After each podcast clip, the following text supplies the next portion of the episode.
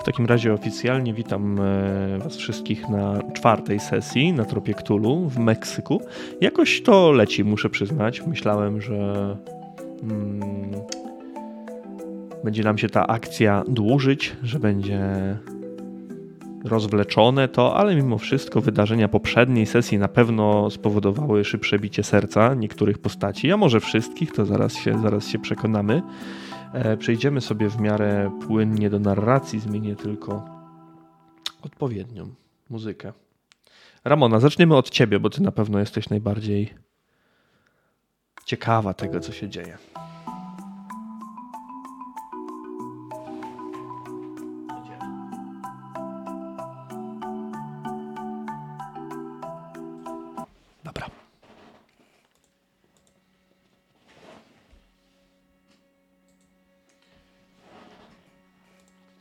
Ramono, w dziwnym miejscu sobie zaczniemy i w dziwny sposób sobie zaczniemy, ponieważ rzucimy sobie e, na utratę stabilności u ciebie.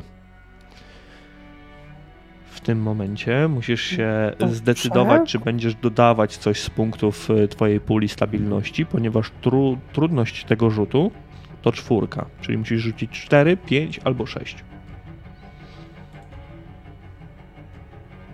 No dobrze, to sobie o dwa punkty w takim razie odejmę. O dwa punkty sobie odejmiesz, dobra. Mhm. I rzuć.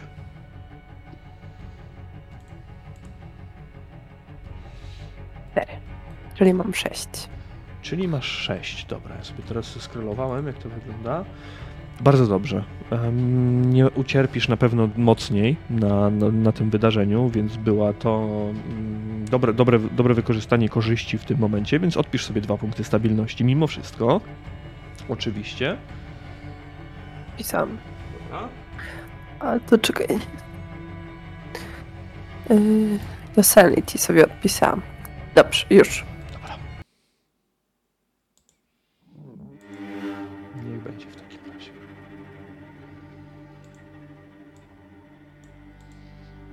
Ramona. Głośny kobiecy krzyk rozerwał, rozdarł powietrze jednej z ulic Meksyku. Tylko ta jedna osoba, ta jedna kobieta zdawała się zauważyć to, co właśnie się wydarzyło.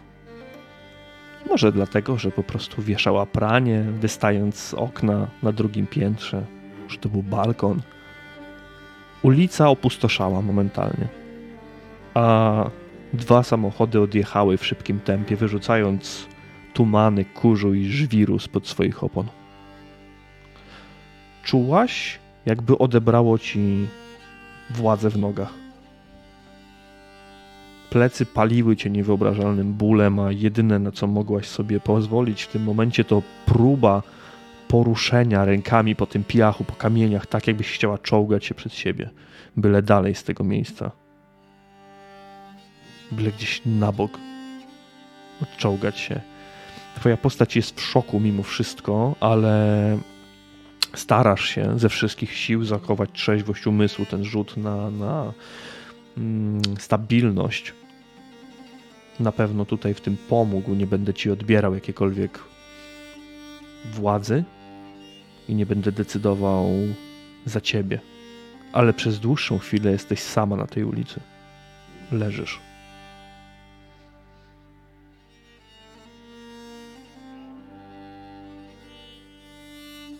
Jaka jest Twoja reakcja, Ramono?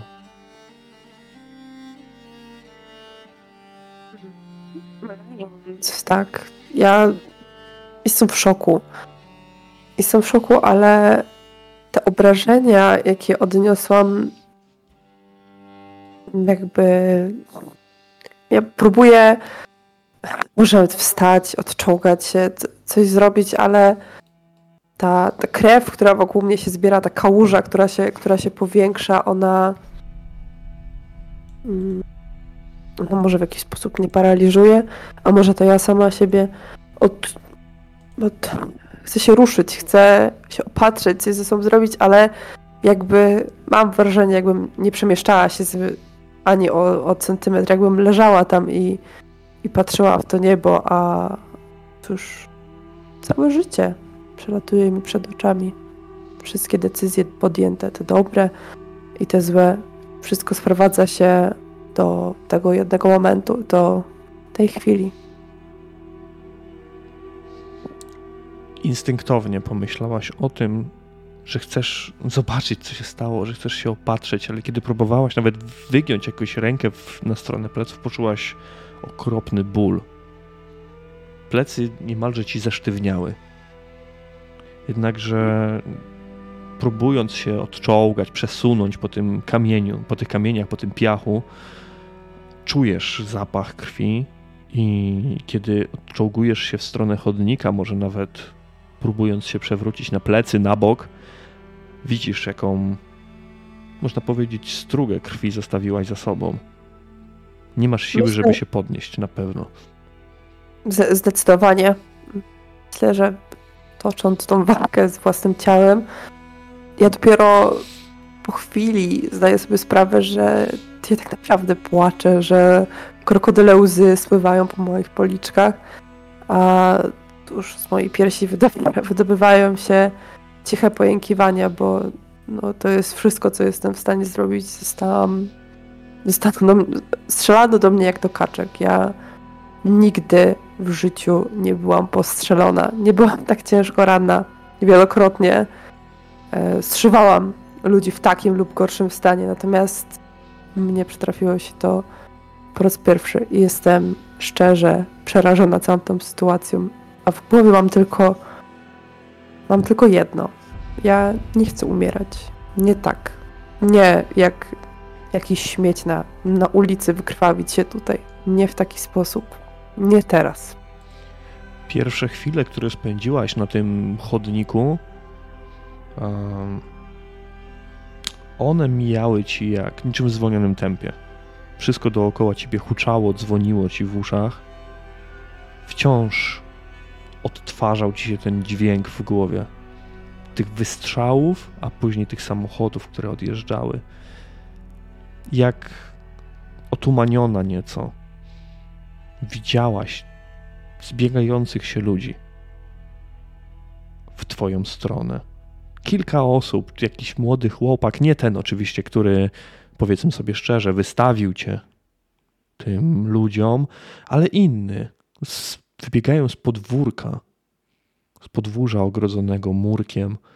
Jest tam też jakiś mężczyzna, słyszysz otwieranie się drzwi. Dopiero teraz, po kilku minutach, jakby ludzie zdają się reagować na to, co wydarzyło się na tej ulicy, ale takie jest jej prawo.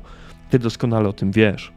Nikt tutaj nigdy nie zgrywałby bohatera, nie wyskakiwałby na sześciu mężczyzn z pistoletami maszynowymi ale dochodzi do ciebie od razu myśl, że to nie jest miejsce, w którym powinnaś zostać. Strzelanina przyciągnie policję, może przyciągnąć wojsko, może przyciągnąć cholera wie kogo jeszcze.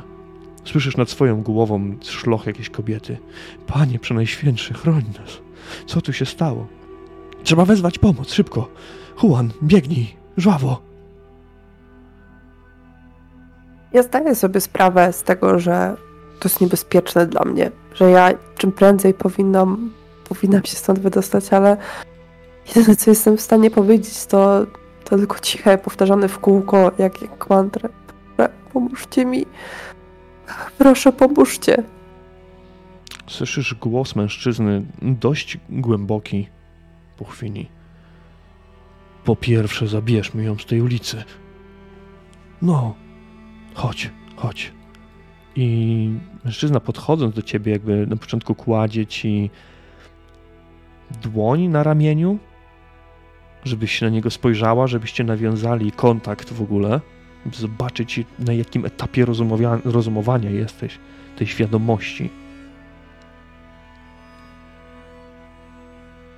Oczywiście patrzę, nawiązuję z nim kontakt wzrokowy, no, twarz mam wykrzywioną w bólu.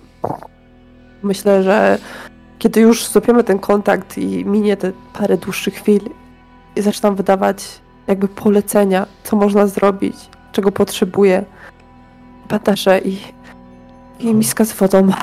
Spokojnie, słoneczko, spokojnie. Widzisz mężczyznę około 40 lat. 40 lat. E, patrząc na ciebie, widzisz, że ma naprawdę strapioną twarz.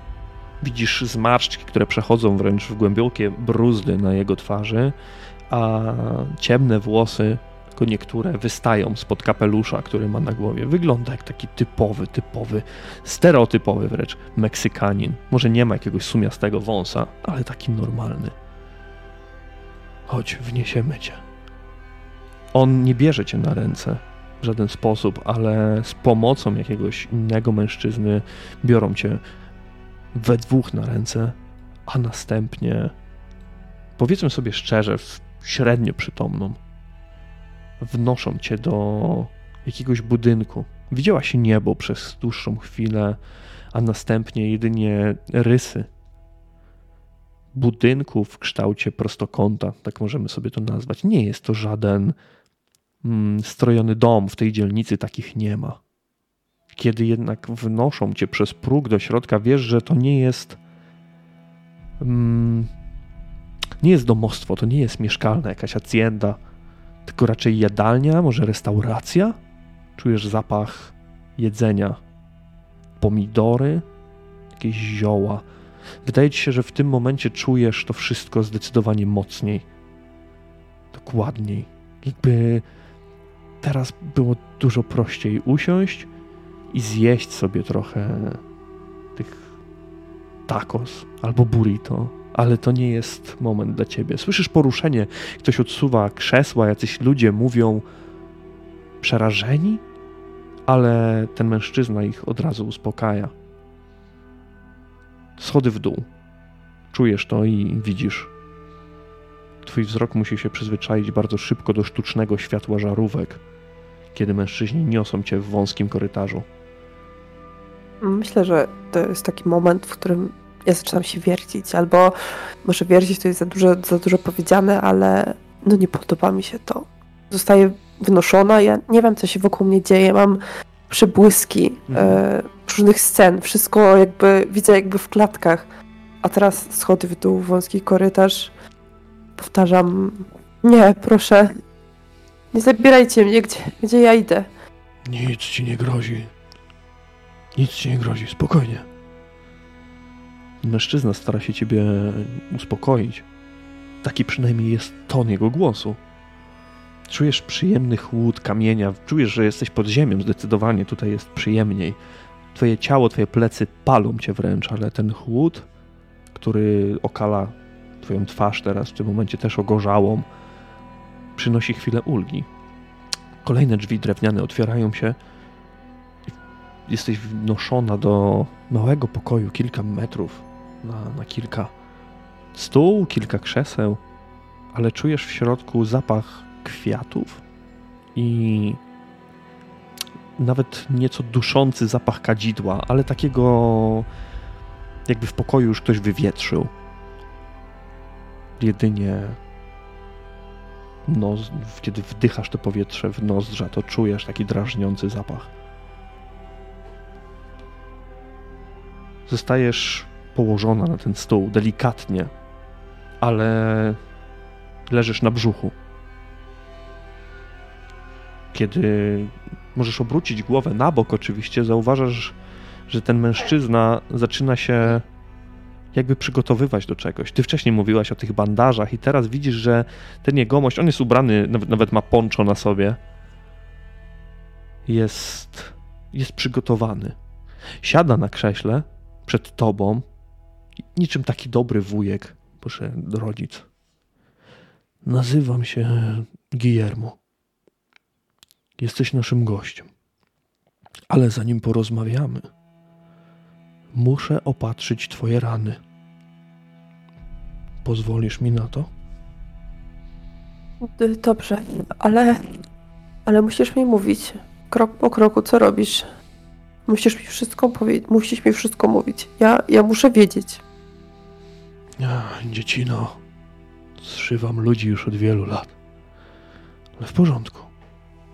Będę ci mówić wszystko.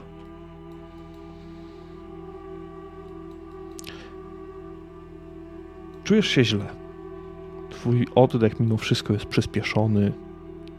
Czujesz teraz, jak ta reakcja najpierw gorącego powietrza, twojego ciała rozgrzanego, teraz z tym chłodem piwnicy.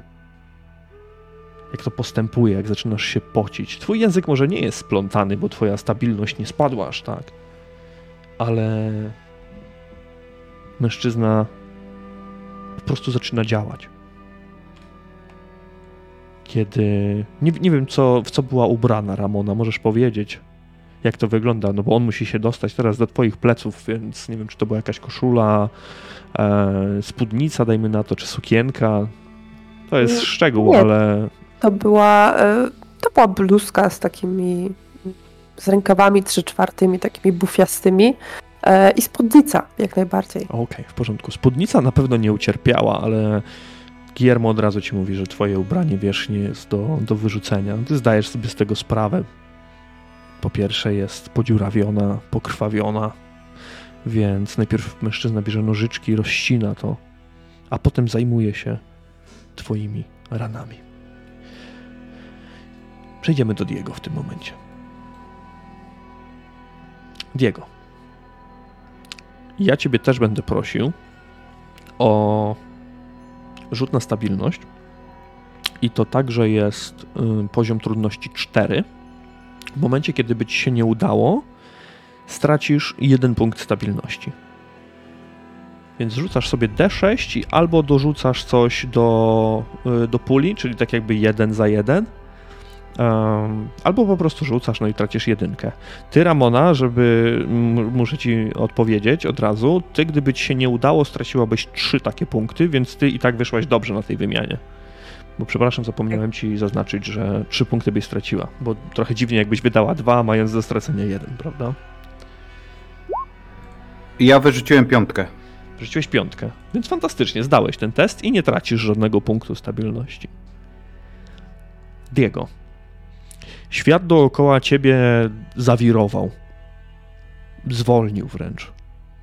Francesc wypowiadał kolejne słowa, ale do ciebie na chwilę przestały docierać wszelakie dźwięki. Niczym przy huku wystrzału twoje uszy zatkały się, niewrażliwe na wszelakie bodźce.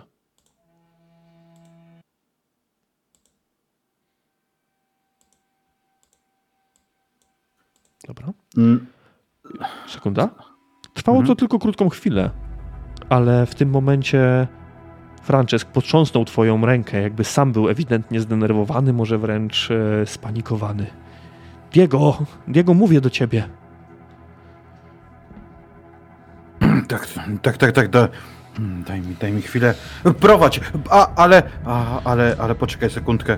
Mm, da, da, daj mi momencik. I Diego, wykorzystując to, że no, jakby są w pobliżu kościoła, mhm. szybkim szybkim jakby, no szybkim biegiem, tylko w bieg szukając, e, e, szukając e, ojca Augustina e, i jeżeli go znalazł, to tylko krzyknie, e, krzy, krzyknie do niego mm, Tepito, e, będę w Tepito. Natomiast potem wybiegam mhm. i, i, po prostu mm, sprawdzając, czy, czy swoją broń mam przy sobie, krzyczę do Francesco, prowadź, prowadź jak najszybciej. Rozumiem, że zabierasz swoją broń do tej dzielnicy. Tak, tak, tak, tak, tak. Dobrze. Wbiegłeś do tego kościoła i ojciec Augustyn oczywiście gdzieś tam był. Na początku może trochę spanikowany, tak jakbyś chciał go zobaczyć, może potrzebowałeś tego. Mm, rozglądałeś się, ale nie mogłeś, nie mogłeś go do, do, dostrzec. Zobaczyłeś go dopiero na, na piętrze, tak jakby, że tam e, przechadzał się, spoglądał, czy to na, na organy, czy, czy, czy zerkał gdzieś na dół. Kiedy spojrzałeś w końcu do góry, krzyknąłeś w jego stronę coś, słyszałeś, że on próbował coś odpowiedzieć, na pewno, e, na pewno zapytać, bo ojciec zawsze pytał. Zawsze chciał się dowiedzieć, był strapiony, a tym bardziej, kiedy krzyknąłeś, że idziesz do tej, do tej niebezpiecznej dzielnicy, to może i nawet coś za tobą krzyknął, ale to już, to już pozostawimy za tobą, bo wybiegłeś zakomunikowałeś może dla, dla świętego spokoju, dla swojego spokoju, albo żeby ktoś w ogóle wiedział, gdzie ty poszedłeś. Kiedy dołączyłeś z powrotem do Franceska, chłopak stał na chodniku, na skraju chodniku, niemalże spadając z niego co chwilę, wchodził z powrotem i, i zeskakiwał albo ześlizgiwał się, obgryzając paznokcie z nerwów, rozglądał się w tę i w tamtą, jakby wypatrywał ciebie. Wiesz, że dzielnica Tepito oddalona jest od tego placu Konstytucji, od Zocalo jakieś 20 minut marszu to jest to zaledwie niby kilka kwartałów dalej, bo Meksyk, miasto Meksyk jest podzielone na kwartały głównie i tak się mierzy odległość w tym mieście. Ale stąd, gdzie wy jesteście, to jest drugie tyle, dlatego jakiś bieg, mimo że instynktowny, nie ma większego sensu w tym momencie. To jest 40 minut marszu. Więc jeśli nawet dobiegniesz tam, będziesz zziajany. Masz do wyboru jakieś inne środki transportu, jeśli chcesz, albo po prostu po prostu iść. Powiedz mi, Stanfi, może pytanie trochę głupie, ale totalnie nie mam pojęcia, tam jakikolwiek rodzaj komunikacji miejskiej był rozwinięty w tamtych czasach. Właśnie chciałem, właśnie chciałem ci powiedzieć, że w Meksyku masz do czynienia już z może nie prowizorycznymi, ale jako takimi taksówkami na przykład, a nawet mają, yy, ma ci to miasto do zaproponowania coś w rodzaju autobusu, ale autobusy w Meksyku działały na tej zasadzie i działają praktycznie do dzisiaj, tak, że nigdy nie wiadomo, gdzie one do końca pojadą, nie mają sprecyzowanych przystanków, więc to jest wysiadanie i wsiadanie niemalże z biegu. Nie jest to zbyt popularny e, rodzaj transportu, a metro niestety powstanie dopiero za jakieś 30 lat. No to w takim razie na pewno będę, będę korzystał z taksówki. Mm, dobiegam na pewno do jakiejś ulicy, zdając sobie sprawę, że e, do, to jest, no jest kawałek drogi do pokonania. Mhm. I gdybym biegł nie wiadomo jak szybko, to szybciej się zmęczę. A takie zmęczenie tylko, tylko tak naprawdę mnie spowolni, bo zamiast znaleźć się w e, Tepito jak najszybciej, no to będę musiał zatrzymywać się, odpoczywać, więc, więc dobiegając do, do, do drogi rozglądam się, czy, czy widzę jakąś, jakąś taksówkę, e, czy stojącą gdzieś, czy, czy jadącą. Jak, jaką ty masz majętność, powiedz mi, na jakim poziomie? Już. E, majętność, majętność... E... Mm, była to maj... E, na cztery. Na czwórkę masz majętność. Mm, dobra, wiesz co, to zaraz... A czemu nie? Rzućmy sobie e, z poziomem trudności 2.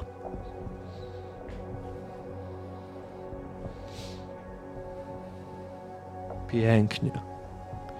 Nie wiesz, czy to sam Bóg jakoś ci teraz próbuje pomóc, podpowiedzieć albo odpłacić za to zło, które cię spotyka. Bo gdzieś we, wewnątrz siebie czujesz, że to nie jest, nie jest jedyna rzecz, która poszła nie tak. Że prawdopodobnie coś jeszcze się wydarzyło, a to, co się stało z Emiliano, to może być jedynie początek. Bo w co ten chłopak mógł się wpasować? Ale zdajesz sobie sprawę po, po chwili, że cholera Diego, że to mogło być przez ciebie kiedy tak stoisz, rozglądając się, wypatrując jakiegoś auta, automobilu, taksówki, niemalże w mgnieniu oka poświęcasz, wiem, stoisz tam z dwie, trzy minuty i od razu coś się pojawia. Machasz w tamtą stronę albo nawet wybiegasz na środek ulicy. Tak, na pewno nawet wtargnę na drogę, żeby, żeby zatrzymać ten pojazd. I no, chwilę później jedziesz już w stronę dzielnicy Tepito. No więc zakładając, że Francesco zgarnąłem razem ze sobą e, i już skoro siedzimy i w sumie nic więcej póki co zrobić nie mogę, więc, więc wypytuję, wypytuję go. Francesco, powiedz mi proszę jeszcze raz, co, co się stało? Co, co, co tam się wydarzyło? Co, co z Emiliano?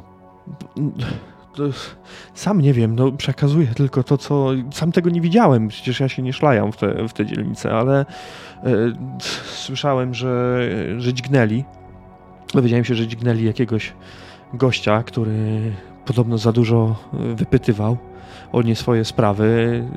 Kiedy, wiesz, powęszyłem trochę, dopytałem się kogo, no to opis, jak, jak mordę strzelił, pasuje do, do, do Emiliano, więc pierwsze co zrobiłem, no to przybiegłem do ciebie. A biegłem całkiem spory kawałek. Cholera, mam nadzieję, że to nie przeze mnie ostatnio. Ach. Mm, Ostatnio obiecałem, obiecałem, obiecałem mu pomóc, ale to już bardziej mówię sam do, sam do siebie niż, niż, niż jako taka do Francesco E, I, i w pewnym momencie gdzieś tam mam mrocząc spostrzegłem, że przecież zabrałem go ze sobą e, a, i tak, tak do kierowcy, żeby się zatrzymał. Francesco, nie ma potrzeby, żebym ciebie tam mm, zabierał, żebyś ty ryzykował. E, No ale biegnij, jak to? Jak? No przecież sam tam pójdziesz? Biegnij, biegnij proszę szybko, znajdź, znajdź kogoś e, z rodziny, e, najlepiej gdybyś Javiera, a, albo, albo Collinego, Ale szczer- z kogoś... jakiej rodziny? O czym ty mówisz, Diego? Aha, bo Francesco nie wie. Nie, on jest jednym, Okej. wiesz, z chłopaków z, jadło- z jadłodajni. Okej, Tutejszych. To, to w takim razie inaczej. A, c- co jak dam, Francesco, biegnij szybko e, do, do jadłodalni, nie ujechaliśmy jeszcze zbyt daleko. E, Powiedz to samo, co, co mi ojcowi Augustino. E, On, on będzie wiedział, co zrobić, tylko tylko proszę, pod żadnym po, pozorem nie mówcie Patrycji.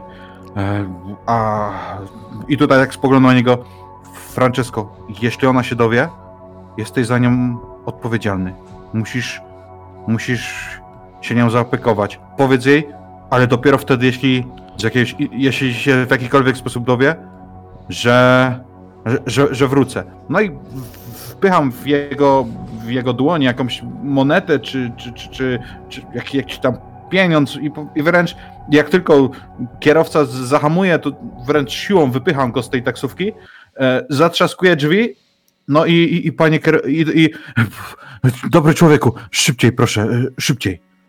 Zanim jeszcze wypchnąłeś Franceska z y, samochodu, on jeszcze zdążył ci rzucić. Ty, ty cały czas mówiłeś oczywiście, ale w momencie, kiedy go wypychałeś już z tej taksówki i praktycznie zamykałeś drzwi, usłyszałeś jego głos. Przecież wiesz, że ona i tak się dowie. Machnąłem tylko ręką w- jego stronę, e, w, tylko nie w takim geście, dobra, nie gadaj, tylko wiem, wiem, no ale, ale, ale co zrobić i, i po prostu tylko mu pomachałem, żeby, żeby biegł. Mhm. W porządku. Kierowca rusza w stronę dzielnicy Tepito. To jest o parę minut, może, może 10 minut będzie, będzie jechał. Tutaj ym, ruch może jako taki jest, ale jeśli ty go jeszcze bardziej poganiasz, no to zdecydowanie szybciej dotrzecie na miejsce. A zanim dotrzecie na to miejsce, zanim się dowiemy, przejdziemy sobie jeszcze na chwilę do, do Enza. Enza.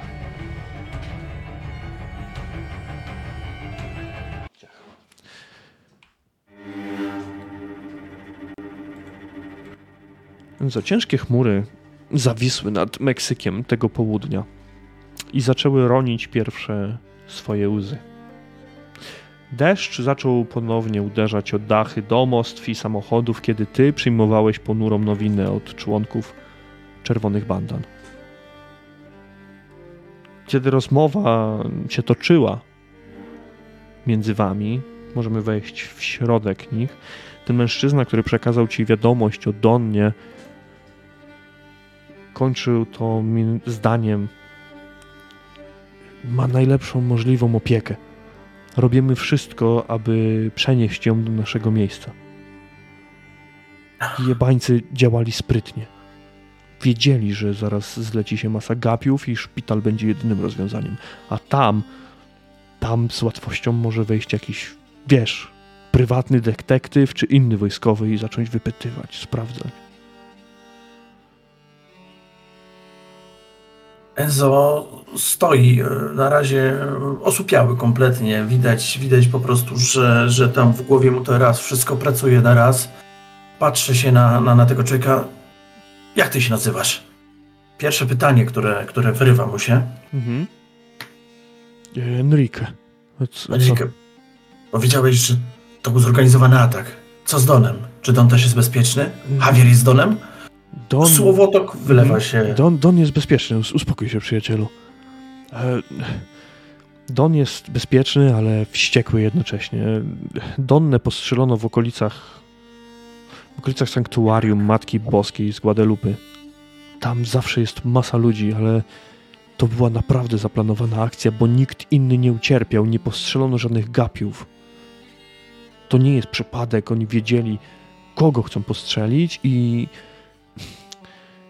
Kurwa, kogo chcą zastrzelić.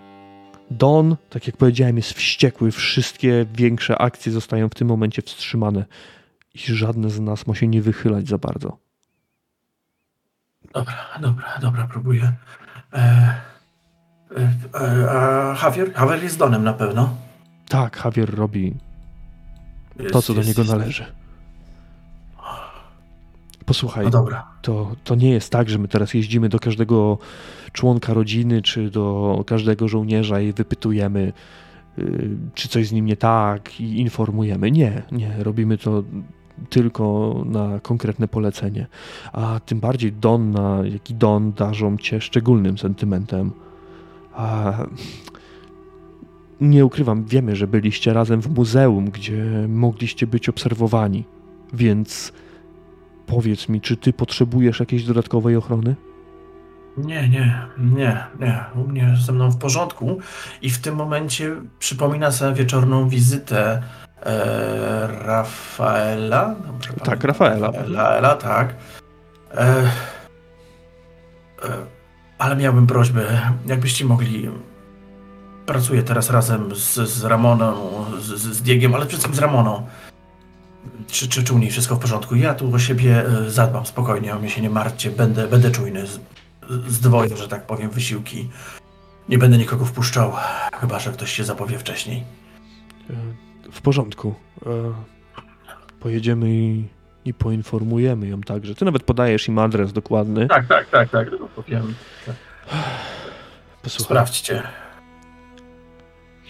chciałbym, ale nie mogę powiedzieć nic więcej, bo my też dostaliśmy swoje rozkazy i rozpoczynamy działania w polu. Niedługo jednak będziemy potrzebować wszystkich, wszystkich możliwych sił w polu, zwłaszcza dla ochrony Donny. Ciebie też i twoich ludzi. Donna jest teraz bezbronna, a my nie możemy pozwolić, aby wojsko i ludzie z policji za bardzo zainteresowali się tematem, a kurwa wiemy, że się będą interesować. Posłuchaj, bo do tego potrzebujemy naprawdę zaufanych ludzi. Będziemy musieli przetransportować ją do bezpiecznej kryjówki, w której zapewnimy jej najlepszą opiekę medyczną. Chciałbym. Ja- Mhm. Mów. Przerywam tak, bo, bo, bo wi- widać ewidentnie, że buzuje w, w, w Enzo. E, Tysiąc, tysiąc pytań.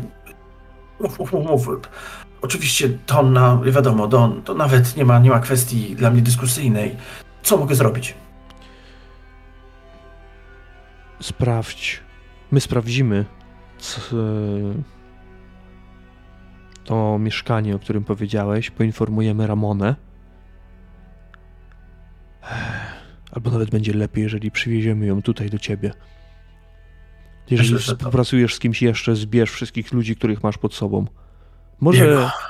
może Oczywiście. nie nadajesz się do osłony, ale potrzeb, będziemy potrzebować na pewno jakiegoś oddziału dywersyjnego. Kogoś, kto odwróci uwagę, chociaż części z nich. Jasne, jasne. Zbiorę ludzi jak najbardziej. I muszą to być zaufane osoby. Pamiętaj, nie bierzemy nikogo z ulicy, nikogo nowego. Nie pozwalamy sobie na takie rzeczy. Znam zasady. Jeżeli naprawdę nie potrzebujesz nikogo, No nie wiem, jeżeli możesz tutaj zostawić ewentualnie kilku chłopaków, to, to, to myślę, że, że może no, bezpieczeństwa nigdy, nigdy za wiele. Lepiej, lepiej być przygotowany. teraz nie zostawię, ale przyślę kogoś do ciebie. Dwie, trzy osoby. Albo tutaj do ciebie bezpośrednio, albo możesz być pewny, że ktoś będzie obserwował twoją posiadłość. Dobra. Ja się skontaktuję z Diego, wam, do was tylko ode mnie prośba, z Ramoną skontaktujcie się, jak możecie ją tu przywieźć. A ja, a ja, a ja będę tutaj e, trzymał pieczę. Dobrze. Mężczyzna żegna się z tobą. Następnie no, twoja, twój podjazd, twoje podwórze zaczyna pustoszeć. Mężczyźni udają się do, do samochodów. Kiedy wsiadają do środka, ten mężczyzna ten Enrique, z którym rozmawiałeś, jeszcze spogląda się w twoją stronę, tak jakby lustrował cię wzrokiem, jakby sprawdzał, czy wszystko jest w porządku. Zawisł na chwilę nad, nad drzwiami do, do samochodu, kiedy ten deszcz padał coraz mocniej. Ty też stałeś w tym deszczu, ale nie dbałeś w ogóle o to, co się dzieje, żadnych parasoli. To nie jest istotne w tym momencie. Stoję, stoję i kiedy on się tak na mnie patrzy, to, to delikatnie kiwam głową, żeby dać mu znać, że, że okej, okay, że, że ze mną jest w porządku. Mężczyzna zagryzł usta, może czy to nerwowo, czy to tak w ramach przekonania i, i zniknął w samochodzie. Następnie też usłyszałeś dźwięk silników i w końcu ta, ten podjazd, ta ulica opustoszała. Zostałeś sam w tym deszczu, jakby już powiedziałem, nie dbając o to, co się dzieje dookoła, ale deszcz już cię obmywał niemalże. Padał na ciebie przez, przez ten cały czas. Jesteś może nie przemoczony, też nie przesadzajmy, ale po twarzy też już zaczyna, zaczyna ci spływać deszcz. Enzo, co ty będziesz chciał zrobić? Powiedz mi, czy jest jakaś deklaracja z twojej strony, co Enzo Oczywiście. Chciał, co chciałby wykonać? Chwilę jeszcze, jeszcze stoję, próbuję ułożyć sobie plan w głowie i e, zaraz odwracam się szybko i, i właściwie podbiegam, mimo że nie, może nie muszę, ale coś mnie pcha. Czuję, że, że, że, że, że dzieje się dużo i, i muszę szybko działać. E, biegnę do, do domu. Mhm. E, w, w locie łapię broń, którą, którą stawiłem na stoliku. E, chowam ją sobie od razu już z tyłu i dobiegam do telefonu i dzwonię do E, no, do jadłodajni, tak. Ja wiem, że tam e, najczęściej Diega można było spotkać, tak, do ojca. Nie wiem, czy ja miałem okazję poznać e, opiekuna tej jadłodajni, ale na powiedz, pewno... Ty mi powiedz w takim razie, myślę, czy okazję. Myślę, że może osobiście go nie poznałem, ale Diego mi wielokrotnie nim opowiadał, więc myślę, że wiem, że to jest ojciec Augustino, bo no, no myślę z tego, że, że znam lepiej Diego. Nie spotkałem się z nim osobiście, ale wiem, kto tam, e, że tak powiem, e, rządzi. Dobra, w porządku. E, jadłodajnia, możemy to tak nazwać, kompleks połączony razem z tym kościółkiem, w którym ojciec Augustin e, Palacios mm, sprawuje swoją misję. Jak najbardziej jest wyposażona w tym momencie w telefon, tutaj nie ma problemu, ale słyszysz e, w słuchawce już pomijamy sam etap, sam etap dzwonienia tak naprawdę. Słyszysz w słuchawce mm, głos kobiety. Hal, halo? Dobry. Enzo Ramirez z tej strony. Słucham. Ojca Augustino. Czy zastałem? Albo Diego? O matko bosko. Nie no, Diego to już nie, nie, nie było. A z kim rozmawiam? Enzo Ramirez. Enzo, Enzo Ramirez. En, Enzo Diego Ramirez. mnie zna. Idź, idź po ojca szybko. Cóż, cisza ci odpowiada. Halo? Tak? No. Yy... A Diego był dzisiaj? Yy, był, przez, przez okno, przez okno widziałam. A, czyli, czyli dobrze, okej. Okay.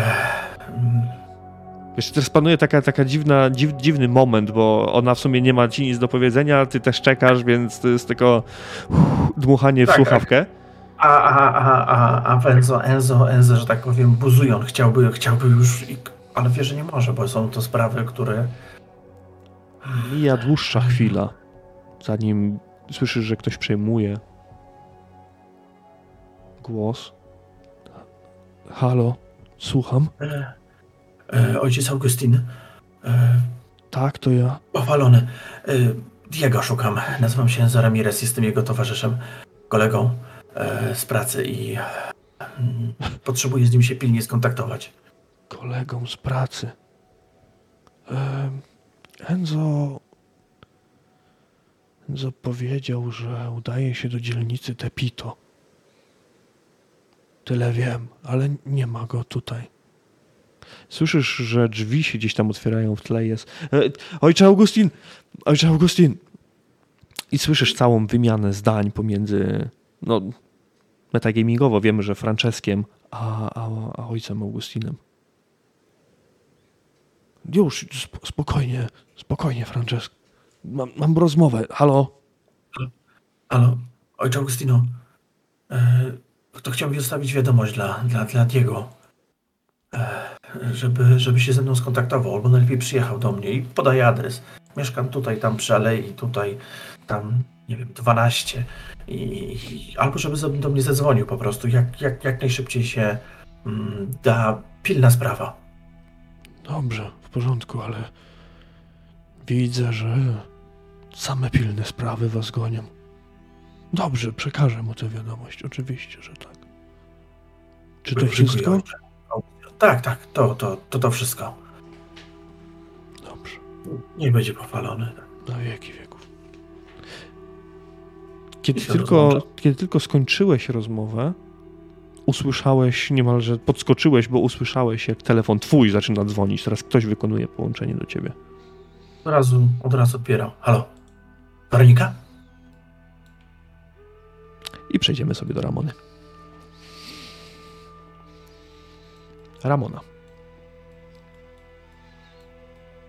Po jakimś czasie, nie wiesz ile minęło, może godzina, może więcej, kiedy ten mężczyzna imieniem Guillermo rozmawiał z tobą o tym, co robi teraz, żebyś wiedziała, skoro uznał, że ciebie to uspokaja, to czemu nie? Będzie ci mówił, co dokładnie robi w danym momencie.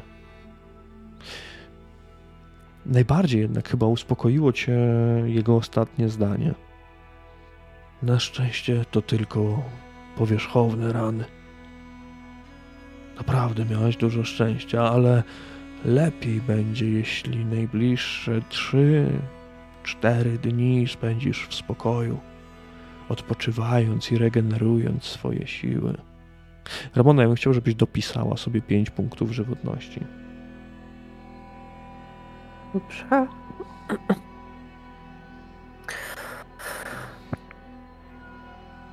Dobrze. Ja dziękuję Ci bardzo, Giermo, ale nie mogę sobie pozwolić na to. Ja muszę. Muszę iść. Muszę, muszę wracać. Muszę się spotkać z. z. I ja się tutaj waham, bo nie wiem, gdzie jestem. Ja nie wiem, czy ja jestem wśród swoich, czy nie, Mhm. więc milknę, a no to niedopowiedziane, niedokończone zdanie wisi gdzieś nad nami. Ale ja nie mam siły. Mimo wszystko zostałam opatrzona, ale całe to, cała ta akcja, cały ten postrzał, przeniesienie i, i ta operacja, tak, to oczyszczanie ran, wyciąganie kul, jeżeli jakieś pozostały, opatrywanie. To wszystko było bardzo wyczerpujące i, i chociażbym chciała, tak nie mam siły sama się podnieść. Dopiero muszę, muszę poprosić tego mężczyznę. Z jego pomocą podnoszę się powoli, siadam.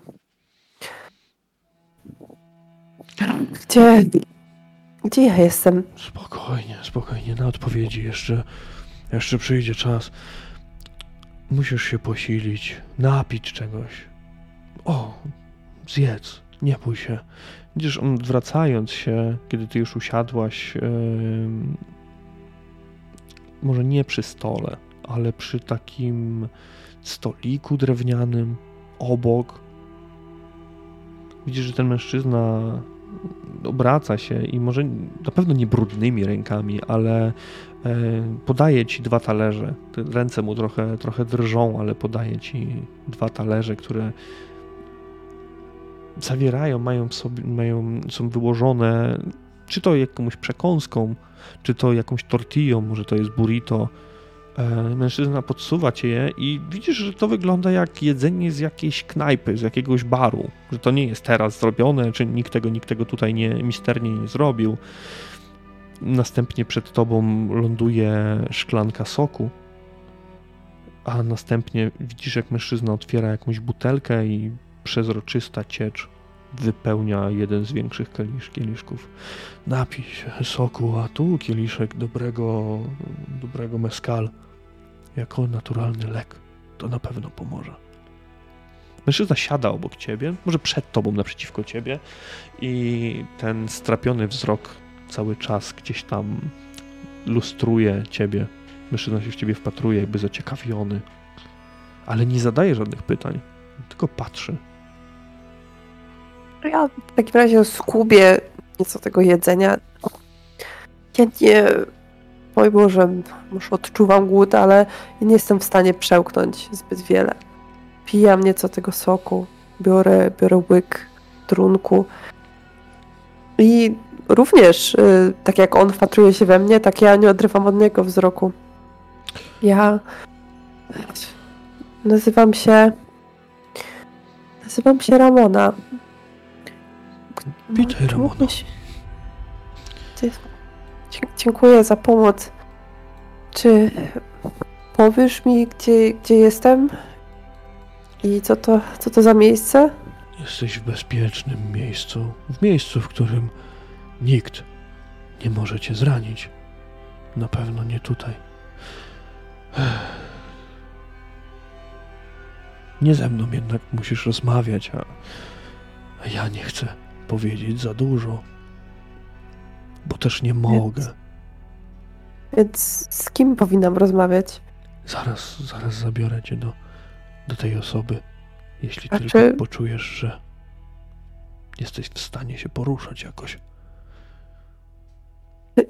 Tak, e, dobrze, ale Giermo, mam jedną prośbę. Czy ja tutaj tak nieco spieszona, może rumienię się delikatnie.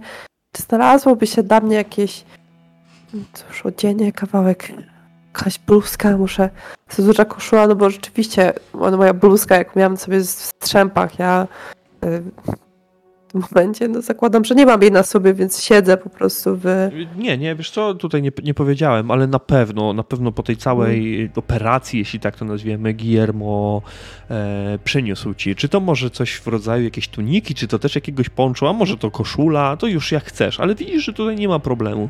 Nie jest to może jakieś ubranie najwyższej jakości, ale to nie są też żadne łachmany. Normalny, normalny strój, nie jest podarty, nie jest cerowany, nie jest brudny. Nawet jeszcze, jeszcze pachnie, Mhm. jakby był świeżo, świeżo wyprany parę godzin temu. Dobrze, wobec tego, no, e, jedząc, może nieco, nieco więcej, pijąc jeszcze, biorąc jeszcze łyk lub dwa, podnoszę się z tego krzesła powoli, podpieram się o, o stół, o ścianę. E, Zabierz mnie, proszę, do tej osoby. Ja naprawdę muszę, muszę się dowiedzieć, gdzie jestem i, i co się teraz ze mną stanie. To bardzo ważne dla mnie. Skoro jesteś gotowa, w porządku. On odstawia to krzesło przed siebie, podnosi się, patrząc na ciebie tymi ojcowskimi, można powiedzieć, oczyma. A następnie wskazując ci drzwi i idąc na początku obok ciebie, ewentualnie gdzieś, gdzieś, gdzieś przy tobie, tak żeby ci pomóc, żeby zobaczyć, jak tobie się w ogóle będzie szło, czy, czy jesteś w stanie się normalnie poruszać. Wydaje się, że tak, że krok po kroku i, i odzyskujesz tą równowagę, tą świadomość swojego ciała, którą ten postrzał ci, ci zabrał. Mężczyzna od razu powiedział ci, że wszystko, że to bardziej szok, że żaden twój organ nie został um, trafiony, że te kule to bardziej mm, na pewno nie przeszła żadna na wylot. Czy to gdzieś utkwiły, ale też żadne kości. Na pewno rdzeń kręgowy nie był, nie był uszkodzony. Ta operacja, wtedy kiedy on ci tłumaczył, co robi, wydawała ci się jak takie łatwe poszywanie kogoś. Coś, co Nie, robiłaś już setki razy. Dokładnie. Ale różnica jest taka, że nigdy nie byłaś po tej drugiej stronie. O, zdecydowanie. I teraz cały ten punkt widzenia się, się całkowicie zmienia. Do oczu, oczy mnie pieką. Ja mam ochotę się rozpłakać. E, jak mała dziewczynka, skulić się gdzieś w kącie i, i szlochać. Ale tak jak zawsze, tak jak zawsze potrafiłam uspokajać innych i dodawać im otuchy, tak próbuję tego samego wobec siebie. Powtarzam sobie w głowie, że, że przecież dobrze się stało, że na szczęście żadnych poważnych obrażeń, że się z tego wyliżę, że zaraz stąd wyjdę i, i wszystko będzie dobrze i albo że się obudzę i cały i tak naprawdę będę w swoim mieszkaniu i, i to wszystko się, się, się nie wydarzy. chodzę krok za krokiem, kolejny stopień za kolejnym. I z każdym kolejnym stopniem czuję, jak moje serce bije coraz szybciej, coraz mocniej, bo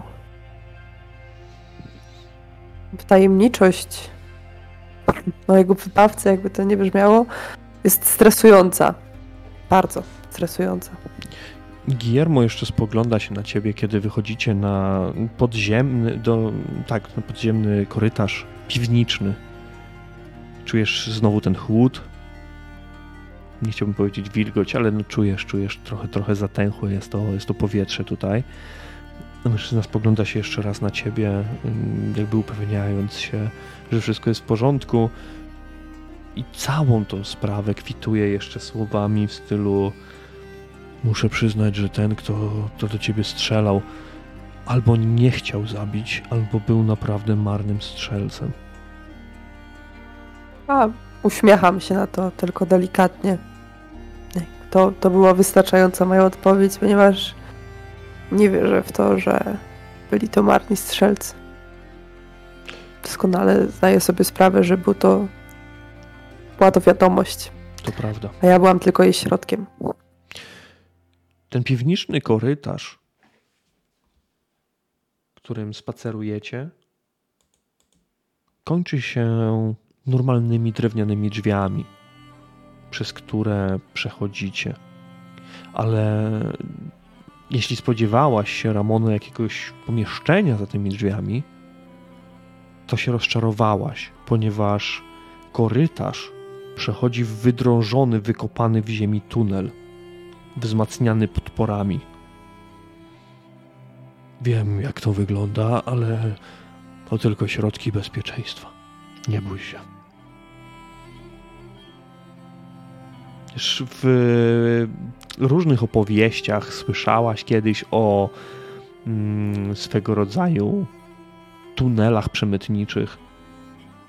Między innymi takich pomiędzy Stanami Zjednoczonymi a Meksykiem.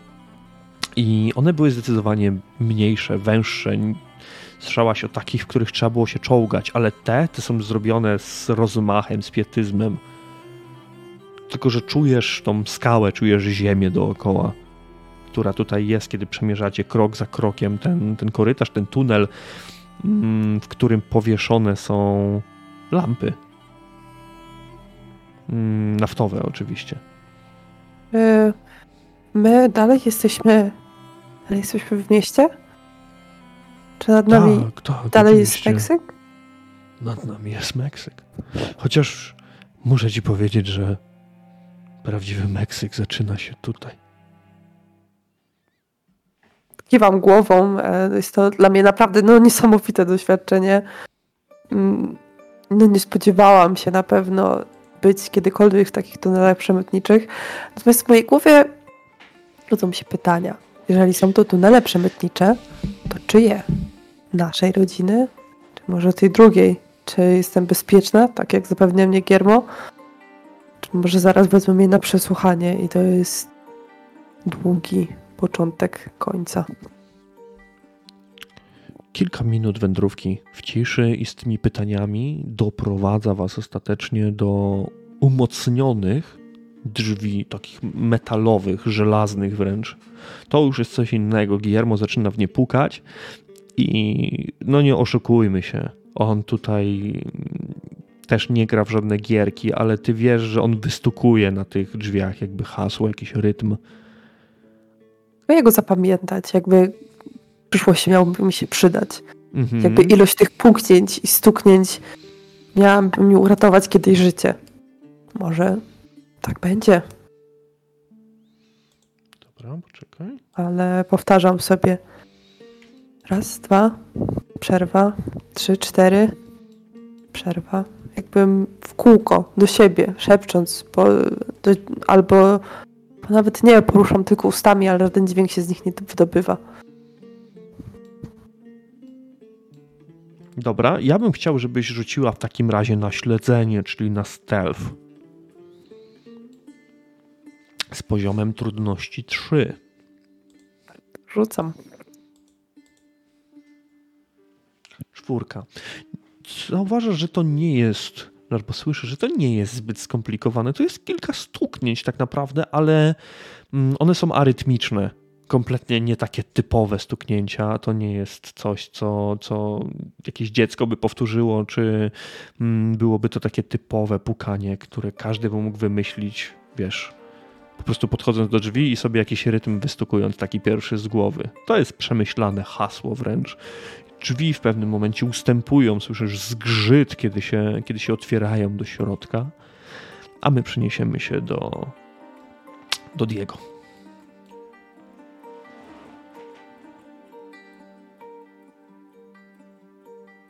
Diego. Dojeżdżasz w końcu na miejsce taksówka zatrzymuje się może ulicę od dzielnicy Tepito. Tak jakby taksówkarz daje ci znać, mówi ci, że on tam nie jedzie dalej. To jest, to jest koniec. Tutaj tu wystarczy. Dalej się nie zapuszczamy. Dalej nie wjeżdżamy. Ty wiesz, że... Po jego tak mhm. po ramieniu, no i rozumiem. Wiem, że raczej z własnej woli to mm, tutaj się nikt nie chce zapuszczać. Może ciebie nawet tam nie było nigdy w twoim życiu, bardziej bym powiedział, świadomym tego, co się dzieje dookoła, bo na pewno i nie bez powodu dzielnica Tepito nosi miano jednej z najbardziej niebezpiecznych dzielnic miasta Meksyk. Nazywają ją Małą Świątynią, bo przypomina jeden wielki, wielobarwny stragan. Mówi się w mieście, że można kupić tutaj dosłownie wszystko. W zakamarkach ciasnej zabudowy powciskane są lokale i inne punkty, które oferują towary, których hmm, nie spotkasz już kilka kwartałów dalej. Miasto w mieście zabudowa sama w sobie jest bardzo zbita, uliczki są wąskie, a dodatkowo na tych uliczkach powystawiane są różne kramy, które przeszkadzają normalnie pod, podróżnym w przejściu, więc szybko zdajesz sobie sprawę, dlaczego ten taksówkarz też powiedział ci, że on dalej nie jedzie. Tu powinna być normalnie ulica mimo wszystko, ale samochodem nie dałoby się przejechać, a jeżeli chciałbyś zbudować na szybko barykadę z czegoś, możesz połączyć jedno do drugiego, nie ma żadnego problemu dzielnica Tepito mogłaby się odgrodzić od Meksyku i stać się naturalną warownią, twierdzą wręcz nie do zdobycia. Wchodzisz pomiędzy te, te zabudowę i tutaj nie ma żadnych specjalnych znaków, czy też typowych ubrań. Nikt się nie nosi w jakiś szczególny sposób. Musisz się wręcz przeciskać pomiędzy ludźmi, mimo że tutaj w tej części jak najbardziej także pada deszcz, ale wciąż słychać gwar, rozmowy. Czasem śmiech ludzi niesie się na ulicę, ale nie jest to śmiech życzliwy. Dzielnica Tepito, to musisz wiedzieć, nigdy nie została opanowana przez wojsko, policję, ani tym bardziej żadna z rodzin nie zdołała sobie podporządkować tego siedliszcza. Tutaj można by powiedzieć, że panuje zarówno prawo pięści, jak i typowa wolna amerykanka. Różne pomniejsze rodziny, ugrupowania walczą między sobą i jest to, jest to na porządku dziennym. dziennym. Francesc jeszcze podróżując z tobą mniej więcej ci opisał, gdzie powinieneś się udać, bo po prostu pójść do dzielnicy Tepito to nie jest żadna wskazówka, ale mniej więcej powiedział ci, gdzie powinieneś szukać Chociaż powiedzmy sobie szczerze, twoja reakcja była naprawdę instynktowna. Ty porwałeś ten, swoją broń i pobiegłeś, pojechałeś. Ale kiedy docierasz pomiędzy tych ludzi i słyszysz te rozmowy, ten gwar, te śmiechy, może odczuwasz coś w rodzaju, może nie samotności tutaj, ale może być tak, że do głowy Diego wkrada się niepewność powiesz, że jesteś na terytorium wroga. A w najlepszym wypadku na terytorium neutralnym. Na pewno nie sojusznika.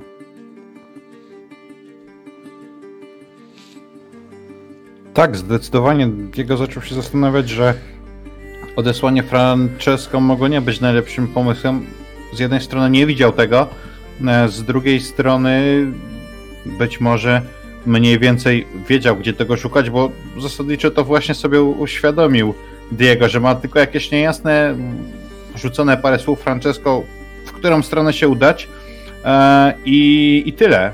E, natomiast po chwili też doszła go ta, taka refleksja, że mm, być może to jednak był dobry pomysł. W końcu Francesco jest jeszcze młodym chłopakiem i wciąganie go tu ze sobą e, no musiałby się, musiałby się martwić nie tylko o siebie, ale również e, o niego, więc, więc jakby mm, zatrzymam się, rozejrzę i, i jeżeli w pobliżu będzie jakiekolwiek miejsce, gdzie zebrało się mm, kilka, kilka osób więcej, nie wiem, być może jakaś jadłodajnia, być może jakaś lokalna miejscówka, gdzie się spotkają, gdzieś z boku sobie stanę, nie rzucając się w oczy i spróbuję ponasłuchiwać, czy, czy gdzieś nie usłyszę o jakichś wydarzeniach. Natomiast na pewno gdzieś tam na mojej twarzy e, i w ruchach będzie pewną nerwowość e, widać, no w końcu, w końcu martwię się mojego przyszłego zięcia.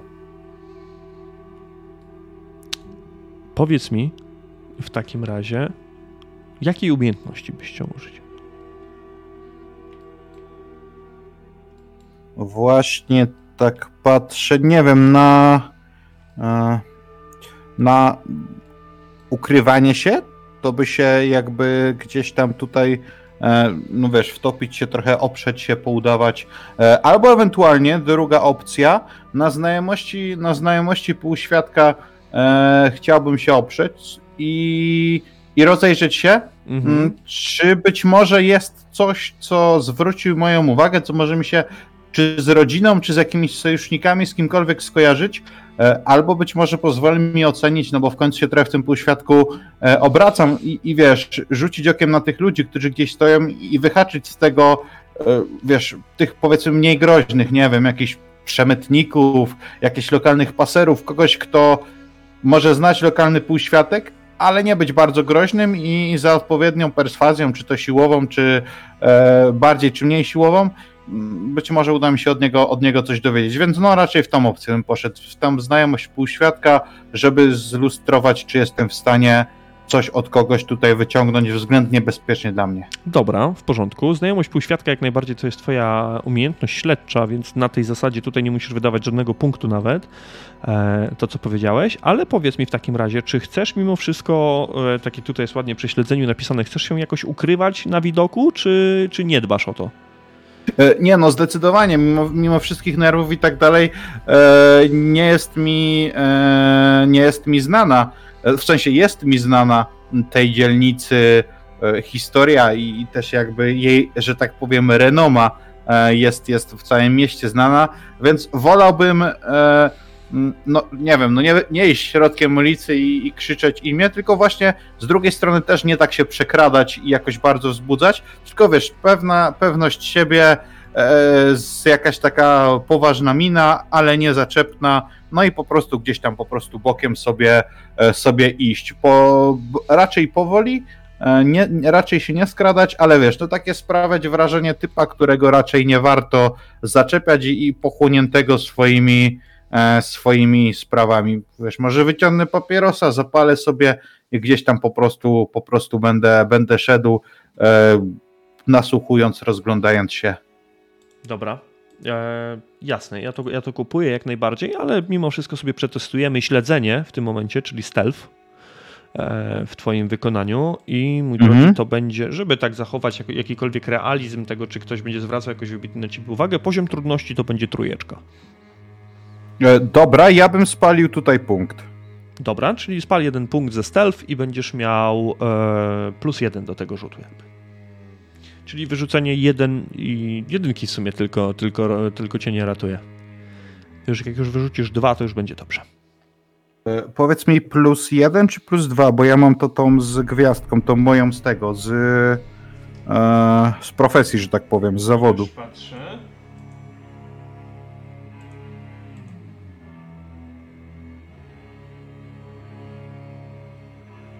Stealth jest u ciebie tą? E, tak, mam ją, mam, ją, mam ją jako śledzenie zaznaczoną. Mhm.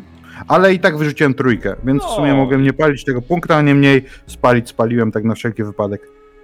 Tak i tak. No to odpisz sobie mimo wszystko, mimo wszystko jeden, żebyśmy jakoś tam te, te punkty yy, używali. Mm, dobra. To ja ci coś, coś, coś niecoś przedstawię, jak wygląda, wygląda sytuacja. Diego, z łatwością wkomponowujesz się w tutejszy świat w dzielnicy Tepito.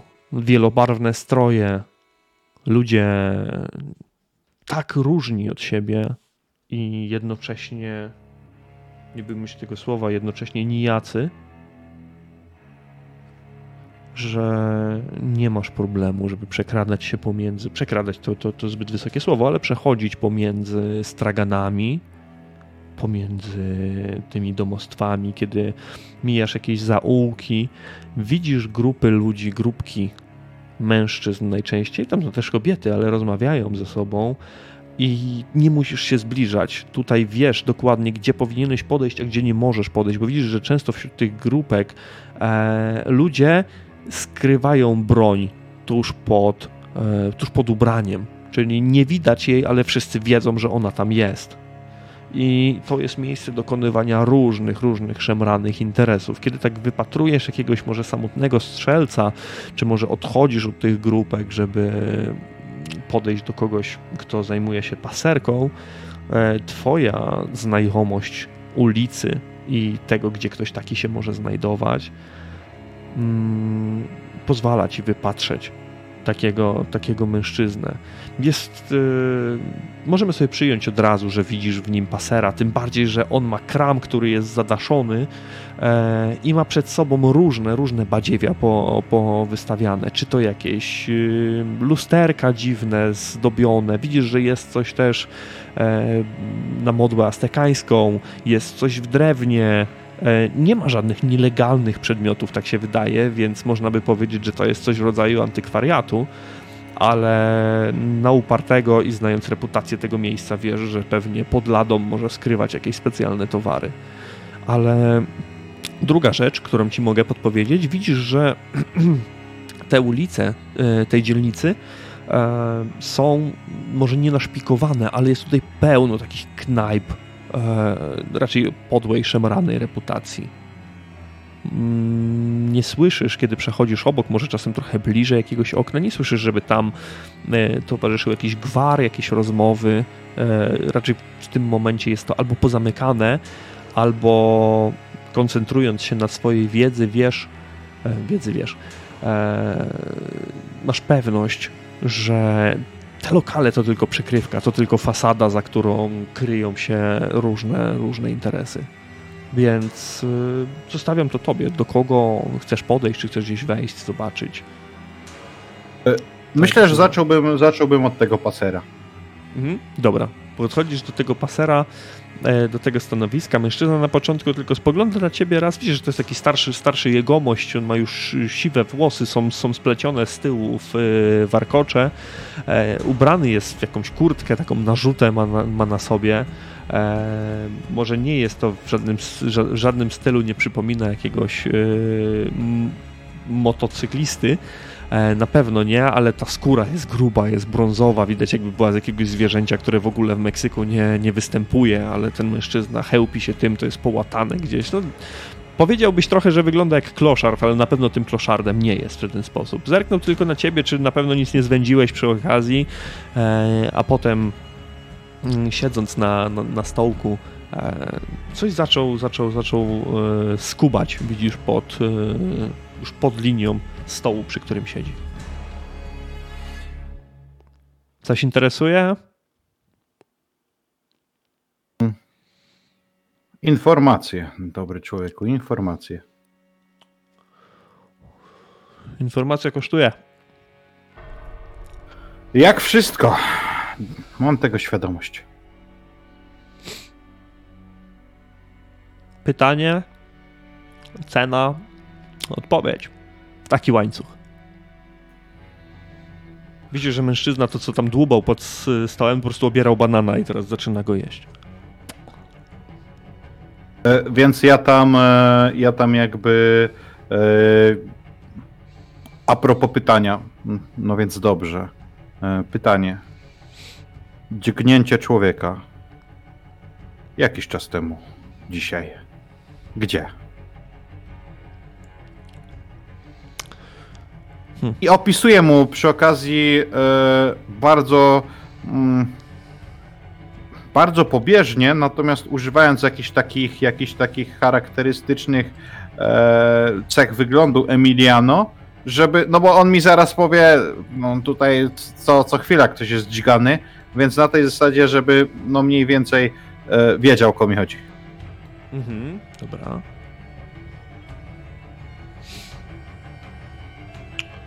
Jak powiedziałem, informacja kosztuje. Pieniądze masz? Albo coś, co mógłbyś zostawić? Mam pieniądze. Pokaż. Ja też wiadomo, że te pieniądze się powoli kurczą, bo ja też wychodząc z domu nie, nie wziąłem nie wiadomo jakiej, Mhm. jakiej sumy, natomiast myślę, że coś tam, coś tam, coś tam jeszcze mam. Dobrze, powiedzmy, że tak sobie tutaj przejdziemy w... Rzuć sobie jeszcze raz na majętność. Powiedzmy, rzućmy sobie. Ale tylko zwykły rzut K6. Pięć. Piąteczka. Dobra, bez, bez problemu jesteś w stanie na ten moment z tym, co masz w kieszeni, zadać mu jakieś takie pięć pytań, może cztery i, i wydaje ci się, że przy takiej rozsądnej e, zapłacie, bo on ci nie podaje ceny, on ci nie mówi, ile to kosztuje. To wiesz, to jest taka, taka gra e, uliczna, ty musisz oszacować, ile, potrze- ile potrzebujesz tak naprawdę. Ale zaraz do tego wrócimy, do jego odpowiedzi, przejdziemy sobie do Enzo, który już czeka dłuższą chwilę. Weronika? Tak, halo, Weronika, wszystko w porządku? Enzo, y, mogę rozmawiać już bardziej, bardziej swobodnie. Tutaj panuje mały rozgardiaż, wiesz? E, Donna. y, przenosimy się. Gdzie? E, z tego, co podsłuchałam, przenoszą nas do Kolimy. Kolima, dobra. Donna jest ranna. Jest w szpitalu. Tak, Donna. Donna jest, została postrzelona. To był jakiś zamach na nią. Na szczęście Matko Bosko. jest cała. Będzie bardzo nerwowo. Jeżeli zacznie się strzelina, uciekajcie, uciekajcie. No, y, podsłuchałam rozmowę w posiadłości. Mówili, że w posiadłości w Guadalajarze nie jest, nie jest już jednak tak bezpiecznie, jak, jak zakładali. Mówiłam ci, że to wygląda jak jakiś wpieprzony fort, ale skoro oni już się obawiają, a powiem ci, że jest tutaj nie wiem, z 30 uzbrojonych ludzi, może więcej? Ktoś, ktoś tam jeszcze jest poza, poza, poza wami? Tak, mówię poza... Ktoś z rodziny? Y, tak, tak. Tutaj ona, ona ci wymienia jakieś mało istotne imiona, jakaś ciotka tam jest, ktoś, Okej, ko- a- kogo mogłeś już poznać. E, I oni w ogóle, tak jak powiedziałem, oni pojechali do, do rodziny y, Dona, tak? To jest, to jest wszystko, wszystko ta e, e, rodzinna, mm, e, rodzinna posiadłość. Posiadłość. Ale są tutaj też ludzie, których normalnie na co dzień tutaj nie ma. Tak jakby duża część rodziny została zebrana i skoszarowana, jeśli tak mogę użyć tego słowa. Dobrze, dobrze, uważajcie. Nie wiem, czy to początek guerry jakiejś. Jak się dowiem, dam, dam, dam znać. Jak, jak, jak dojedziecie i będziecie mogli z mną skontaktować, to zadzwońcie. Jak nie, to ja was znajdę. Enzo, to, to wszystko brzmi i wygląda jak, jak jakaś wojna. Jakby, jakbyśmy, nie wiem, bronili się przed kimś. To miał być spokojny wyjazd. Już powiedzieli, że do Kolimy będziemy jechać z jakąś eskortą. Tutaj już chyba przestali grać w jakieś gierki i mówią nam w miarę otwarcie, co się dzieje ale ciągle jest mowa o tej Tijuanie. Co, co jest do cholery z tą Tijuaną? Czy ty mi możesz powiedzieć? Weronika, dowiem się. Nie miałam okazji jeszcze porozmawiać. Dowiem, co się dzieje w Tijuanie. Jeżeli moje podejrzenia się sprawdzą, to możliwe, że to jest tylko kontratak na nas, ale musisz przede wszystkim być twarda. Twarda, pamiętaj dla Pepe. Pepe nie może widzieć cię zdenerwowanej. Tak. Dowiem się, co się wydarzyło w Tijuanie i, i dam ci też znać. Martwię się o was. Jeżeli nie będę odbierał, to, to ja was znajdę. Nie szukajcie mnie. Ja was prędzej znajdę niż, niż wy mnie. Nie wiem, co się e, będzie działo tutaj w, w Mexico, ale no, no, na razie, na razie, na razie jest, jest na pewno podwyższony stan gotowości. Jak coś się dowiem też o Donnie, to mm, dam, e, dam znać. Pytanie, czy ja tą tą miejscowość Kolimę, to na przykład wiem, gdzie tam posiadłość ma dom, czy nie? Tylko tak ze słyszenia mogę wiedzieć. Nie, wiesz co, wydaje, wydaje, mi się, że nawet twoja wiedza nie, nie pozwala ci dokładnie skojarzyć, gdzie to może być. No wiesz na pewno, że, że, że rodzina Dominguez ma masę posiadłości różnych i to rozsianych po, po terytorium e, środkowo-południowego Meksyku. E, Kolima to jest mniejsze miasto na południe od Guadalajary. To nie jest jakiś szmat drogi, ale widzisz e, nawet w głowie, kiedy sobie rozrysowujesz tak, na szybko tak, mapę, tak, e, no to wiesz, że to jest coś w rodzaju ucieczki na południe. Tijuana jest na północy, a Colima jest, można powiedzieć, trochę bliżej Meksyku, nie? Na pewno, na pewno nie Guadalajara, która wydaje się być e, po prostu drogą, przez którą ktoś musi pokonać, nie? Z Tijuany do Meksyku. O tak, jest na przestrzał. I to wygląda. Dobrze. E, e, ona jeszcze kończy to e, oczywiście słowami i tak będę dzwonić, jeśli tylko dotrzemy do, do Kolimy. Do ciebie... Tak, do ciebie zdecydowanie. Dobrze, dzwoń tylko do mnie. Ja jak będę coś wiedział, to postaram się też z tobą skontaktować, żeby dowiedzieć się, czy już dojechaliście bezpiecznie. Don ponoć jest bardzo rozsierdzony. Na razie myślę, że mm, zostanę tutaj w domu, zbieramy ludzi mm, i, nie wiem, no, może to przeczekamy. Zobaczymy, zobaczymy. Nie wiem, co się, co przyniosą kolejne dni. Ale no, uważajcie przede wszystkim bardzo na siebie teraz, naprawdę bardzo, nie wiem. Ale mam plan, mam, w głowie rodzi mi się plan, także no będziemy w kontakcie, będziemy w kontakcie. Ty też uważaj. Cały ode mnie. Dobrze, dobrze. I to jest koniec połączenia w tym momencie. Mhm. Odkładasz ten telefon. Słyszysz czujesz, jak twoje serce po prostu wali w klatce piersiowej, bo to jest ten moment, w którym, jeśli to jeszcze do waszych postaci w jakikolwiek sposób nie dotarło, to w tym momencie na pewno dotrze, że wy nie, może się, nie możecie się czuć bezpiecznie we własnych domach. I ta, nazwijmy to tak, posiadłość, no nie, nie, nie, nie, nie okłamujmy się, Enzo, ona w tym momencie wydaje ci się być ogromna wydaje się być wielka i wiesz, wchodzimy na ten pułap, w którym każdy gdzieś tam szelest, chrzęst, uderzenie, stukot będziesz już odbierał na, na dużo innej płaszczyźnie, na dużo Dla... innych zasadach. E, teraz jest spokojnie, jest cicho, nawet, nawet za cicho się wydaje. No właśnie. Kiedy ten deszcz, ale deszcz zdecydowanie gdzieś tam szumi za oknem. Dlatego Enzo, no, zaczynam e, zasłaniać wszystkie okna, już, już paranoja, że tak powiem. Nie, nie, nie będę jej powstrzymywał i mm, zaczynam się pakować. Mam samochód, więc yy, wrzucam tam tak naprawdę, ale tylko najbardziej jakieś potrzebne rzeczy. Nie planuję jeszcze wyjechać, ale chcę być w każdej chwili gotowy, tak?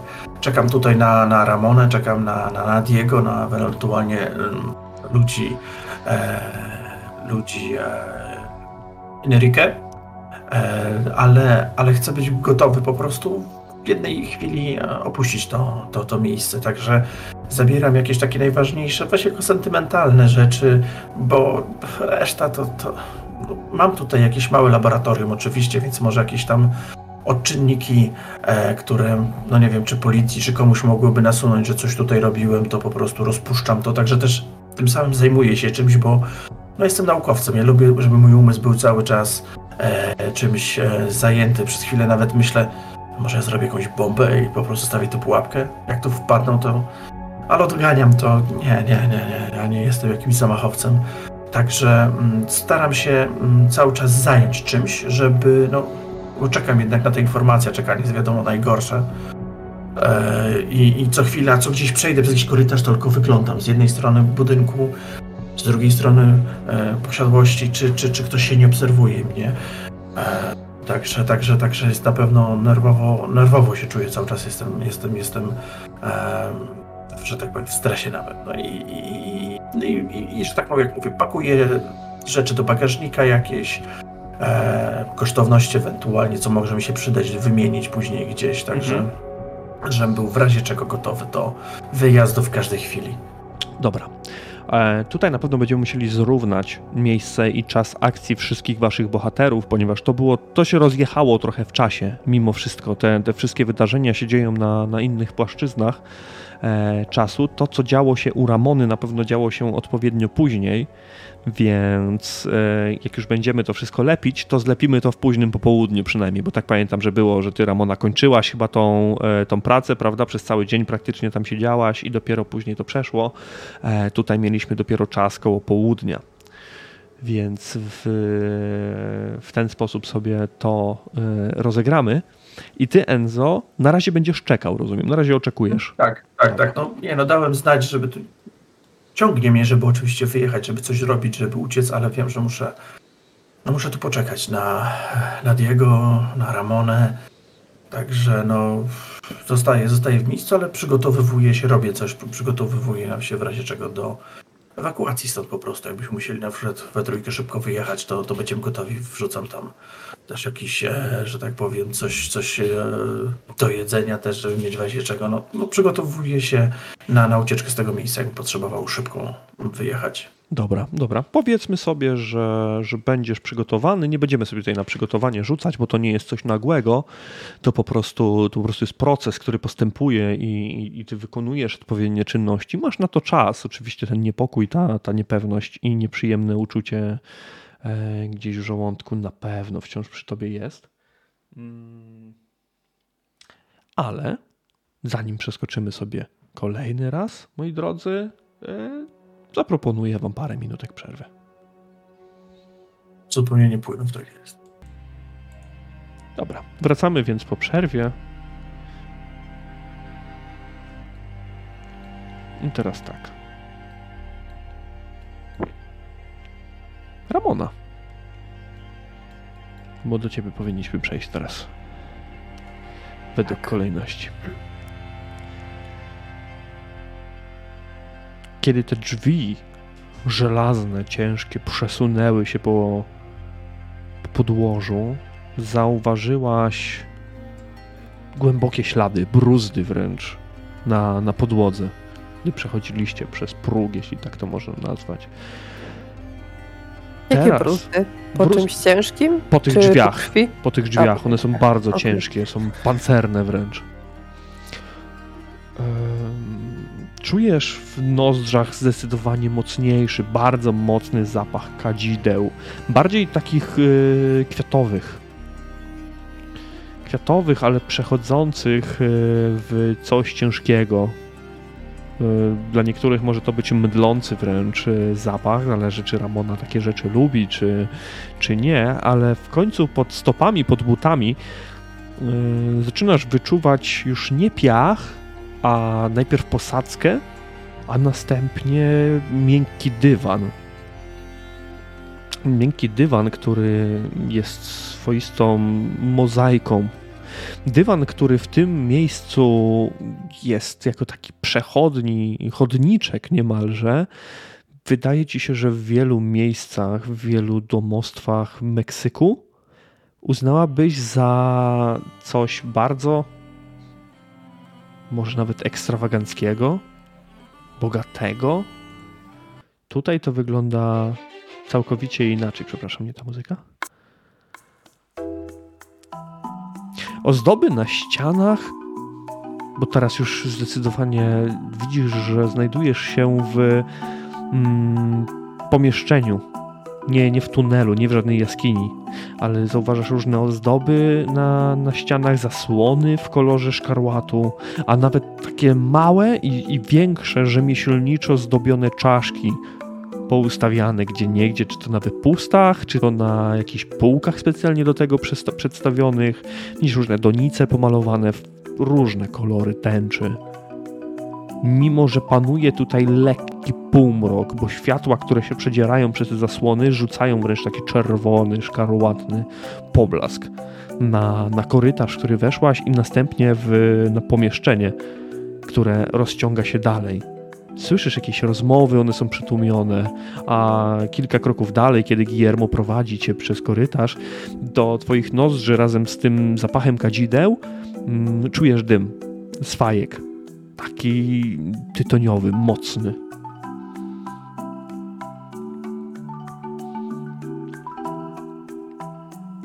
E, cóż, e, Ramona zapach kadzideł na, na zdecydowanie jej nie przeszkadza, ponieważ a lubi, nawet ta babcia, u której pracuje w, w kwieciarni, zawsze miała pełno kadzideł różnych. Mówiła, że, że wnuczka jej, jej przywozi spoza miasta, sprowadza je skądś. I dlatego ten zapach w tym miejscu wydał się jej taki dziwnie znajomy i w jakiś sposób odprężył ją nawet na to, co, co miało nadejść. Natomiast e, serce biło cały czas bardzo szybko, bardzo nerwowo i co by nie starała się tutaj zrobić i co sobie nie, nie starała się powiedzieć, tak, no była zestresowana. Myślę, że Giermo też to widział, Mhm. bo no cóż, jak nie być zestresowanym w sytuacji, gdy twoje życie wisi, bądź nie wisi na włosku. Idzie dalej. Nic się nie odzywa, nie, nie ciągnie rozmowy. Guillermo także nic nie mówi. Kiedy wchodzicie do dużego pomieszczenia, które jest przesłonięte licznymi, licznymi zasłon zasłonami, zauważasz na mm, e, różnych wypustach, czy to ze ściany, czy to z e, kolumn wręcz tutaj w środku, e, zawieszone hamaki. Widzisz, że są tutaj także leżanki, żarzące się węgle w paleniskach. Gdzieś jest dywan, ale te, te dywany, ale pomiędzy, pomiędzy nimi takie płaty wręcz piachu się wydobywają. I słyszysz przytłumione głosy, rozmowy, jakieś ciche wręcz pojękiwania z, z przyjemności, ale w żaden sposób takiej z, e, cielesnej, raczej, raczej mentalnej, bo mm, nie oszukujmy się, Ramona wie prawdopodobnie, co to za miejsce i tutaj nie potrzebujemy żadnego rzutu. Ramona, znajdujesz się w jakiejś podziemnej, dziwnej, aczkolwiek bardzo, bardzo klimatycznej palarni opium.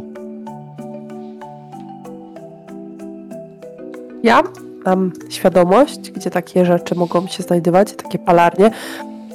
Patrząc na, na mój wykonywany zawód oraz na moje specjalizacje, myślę, że mm, mogę mieć taką świadomość. Myślę, że z Margaritą, cóż, Mhm. nie jednym miejscu się bywało, nie jednej palarii opium się siedziało i nie jedne e, rzeczy psychoaktywne się zażywało.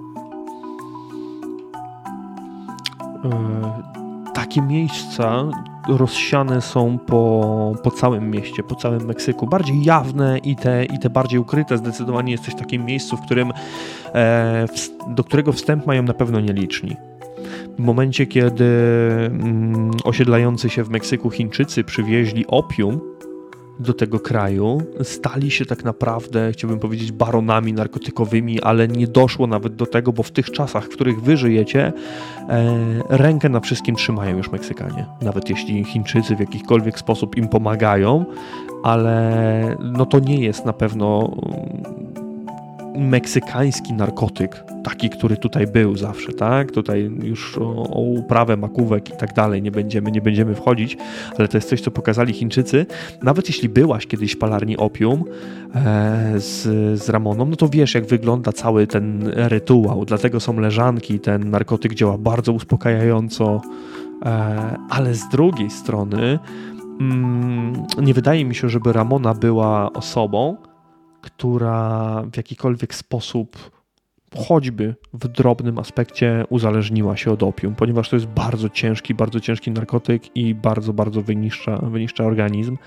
Więc Ramono, ty wiesz, e, zaraz sobie spojrzysz na twoje, twoje umiejętności, ale też zawsze możesz sama, sami możecie podrzucać jakąś umiejętność, którą moglibyście e, s, wykorzystać i myślę, że pójdziemy sobie tutaj w medycynę twoją, medycynę, biologię, no tutaj połącz, połączymy sobie to. Wiesz, że takie miejsca, jeżeli ktoś tutaj przebywa często, no to to są e, miejsca, w których wyciąga się mocno pieniądze z tych ludzi, bo ci ludzie są mocno zdesperowani, żeby chociaż kolejny raz móc te opium e, zapalić, tak? E, Wydaje, że mhm. dla Ramony to raczej była coś egzotycznego, pojawiło się w mieście. Trzeba było spróbować, zobaczyć co to jest i myślę, że nie przyciągnęło ją to na dłużej, bo może właśnie zważywszy na to, jak, jak drogi, jak kosztowny jest to, jest to interes i jak lepiej nakładem własnych środków można coś przygotować. Coś, co daje również kopa, odpręża i tak dalej. Guillermo dalej prowadząc cię przez, y, na uboczu tej, tej, przez tą salę, przez to duże, duże pomieszczenie, e, wprowadza cię do innego pomieszczenia. Przez otwarte drzwi, a ściana, która tam się znajduje, jest jedynie kratką, tak naprawdę z drewna rzeźbioną, może w jakimś azjatyckim stylu, tak to, tak to nazwijmy. To jest zwykła kratka, że widać co, co się, to, co się dzieje z pomieszczenia w pomieszczenie. Jednakże znajdują się tutaj także drzwi w tym momencie otwarte. Pierwsze, co ci się rzuca w oczy w tym pomieszczeniu, to horrendalna wręcz ilość różnych poduszek, bardziej w kolorze złota, czerwieni, ale także znajduje się tutaj fiolet.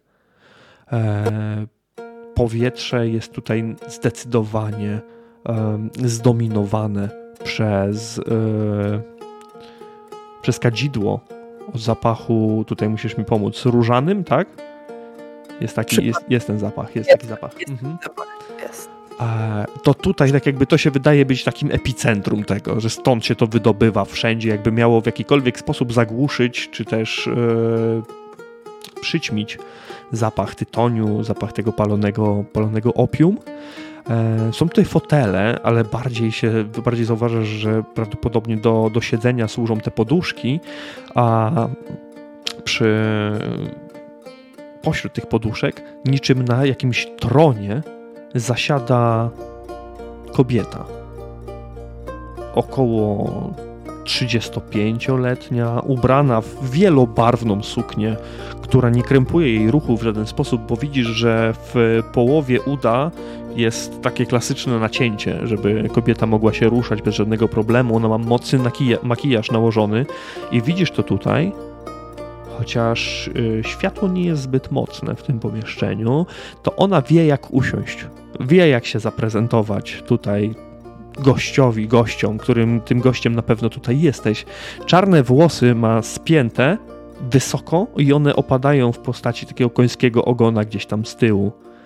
E, z przodu, co, co, co mogło Cię nawet zainteresować i, i mm, gdzieś tam wewnętrznie rozbawić, opadają jej na twarz takie pojedyncze kosmyki. Ona posiada mm, ombre koloru karmazynowego. Jest to taki krwisty czerwony, że aż nie pasuje wręcz do tego, ale zdecydowanie wyróżnia ją tutaj. Zmienię muzykę. Ona jest, ona jest Meksykanką? Tak, od razu widzisz y, rysy meksykańskie, więc tutaj jest bez żadnego bez żadnego zawahania określasz ją jako, jako Meksykankę. Widzisz fajkę wodną ustawioną na stole, widzisz, węgielki też się żarzą e, i masz do wyboru, tak jakby kiedy Guillermo wprowadza cię do środka, on odchodzi gdzieś na bok i zajmuje miejsce z boku, gdzieś w cieniu. E, ty masz do wyboru usiąść na wygodnym tak się wydaje, fotelu z y, obiciem, gdzie poręcz i oparcie tego fotela wykończone są złotą farbą, albo zająć miejsce na jakiejś poduszce. Kobieta patrzy się na ciebie przez ten cały czas, zaciekawiona. Zdecydowanie siadam w tym fotelu, chcąc jakby. Wydaje mi się, że on jest bardziej stabilny, że ja dalej nie ufam twojemu ciału. Mam wrażenie, jakbym może przechyliła się za bardzo w jedną drugą stronę, padłabym, a tak y, te Y, te ramiona fotela, y, tył jakby dają mi takie poczucie stabilności, więc siadam na nim. Y, nie odrywam wzroku od, od kobiety, na pewno nie. Czekam. Nie odzywam się pierwsza. Natomiast jeżeli ta, ta, to milczenie trwa już dłuższą chwilę, to w takim razie decyduję się ją, je przerwać. Dzień dobry. Czy czy to ty y, jesteś w stanie odpowiedzieć mi na moje pytania? Kobieta uśmiecha się, ale życzliwie, tak samo jak wcześniej uśmiechnął się do ciebie Guillermo i przekłada, miała nogę na nogę założoną, zmienia te nogi. Mam taką nadzieję. Ona wskazuje ręką, która jest pełna jakichś bransoletek na, na stół. Jeśli chcesz, nie krępuj się. To zwykła fajka wodna arabska. Jeśli będziesz chciała jednak udać się na materac czy do palarni, musisz, możesz się rozgościć. Mój drogi Jun opowie ci o wszystkim. I w tym momencie z cienia, niczym wywołany, występuje mężczyzna, młody, dwudziestokilkuletni, o azjatyckich rysach twarzy, ubrany w strój tradycyjny, tradycyjny orientalny strój, tak ci się wydaje. To, ma, to, to, wszystko ma tutaj taką modłę bardziej, bardziej orientalną, to już zauważyłaś od razu. Mężczyzna jednak skinął głową, tak jakby kiwnął w twoją stronę, następnie znowu wycofał się nieco w cień, ale teraz już wiesz, że on tam po prostu jest przez ten cały czas. I co my teraz zrobimy? Hm? Już, jeśli, jeśli mogę, chciałabym się dowiedzieć, gdzie jestem i kim wy jesteście. Wszak zawdzięczam wam, cóż, życie, aczkolwiek muszę przyznać, że ta mm, mgła tajemniczości jest nieco przytłaczająca w tej sytuacji. Mhm. No tak. No tak. Guillermo już poznałaś. Ona wskazuje ręką, mówiąc całkowicie spokojnie, ale nie wyczuwasz w tonie jej głosu żadnej dominacji, wyższości. Ona tak po prostu mówi, mówi bardzo spokojnie. Chociaż wiesz, że to zawsze może być tylko fasada. Zawsze może być maska, którą ludzie zrzucają w pewnym momencie. Jun, jak już Oczywiście. powiedziałam, a mi możesz mówić Zelina. Niektórzy nazywają mnie dość pokraczny sposób panią Z, ale brzmi to jak w jakiejś taniej angielskiej powieści. Nie będę mówić, że jesteś nam winna przysługę, bo to zależy od ciebie. My nie trzymamy się aż tak bardzo protokołów, nie jesteśmy rodziną, nie jesteśmy porozumieniem. My jesteśmy wolni. Działamy na własną rękę, tam gdzie inni nie widzą. A ty? Kim jesteś? Mamy kogoś poinformować? Rodzinę, męża, dzieci, rodziców? A uśmiecham się delikatnie. Nie, ja nie mam nikogo. Jestem sama sobie. Można by tak rzec. Nazywam się Ramona. I ciekawi mnie to, dlaczego, dlaczego mi pomogliście, zakładam, w tym mieście. Wszak tyle się dzieje, co róż dochodzi do jakichś strzelanin i rozlewu krwi już nie tak dawno przecież wojsko było normą na ulicach i znów ma tak być. Czemu więc pomóc jednej kobiecie, która cóż miała po prostu pecha? Może właśnie dlatego, że ta kobieta miała po prostu pecha. Jesteś ofiarą tych banditos, którzy ośmielili się strzelać do drugiego człowieka na mojej ulicy. A ja nie lubię, jak na mojej ulicy nie panuje pokój, bo pokój to zarobek. Nawet dla ludzi, którzy kryją się w cieniu. Możesz spędzić tu tyle czasu, ile tylko zechcesz, skoro nie masz nikogo i nikogo nie powinniśmy informować.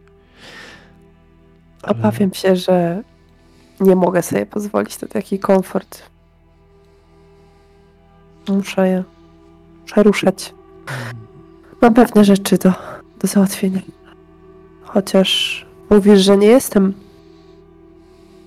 winna przysługi, tak. Ja jednak uważam, że jestem wam winna bardzo dużo. Gdyby nie wy, cóż, wykrawiałabym się na, tym, na, na tej ulicy.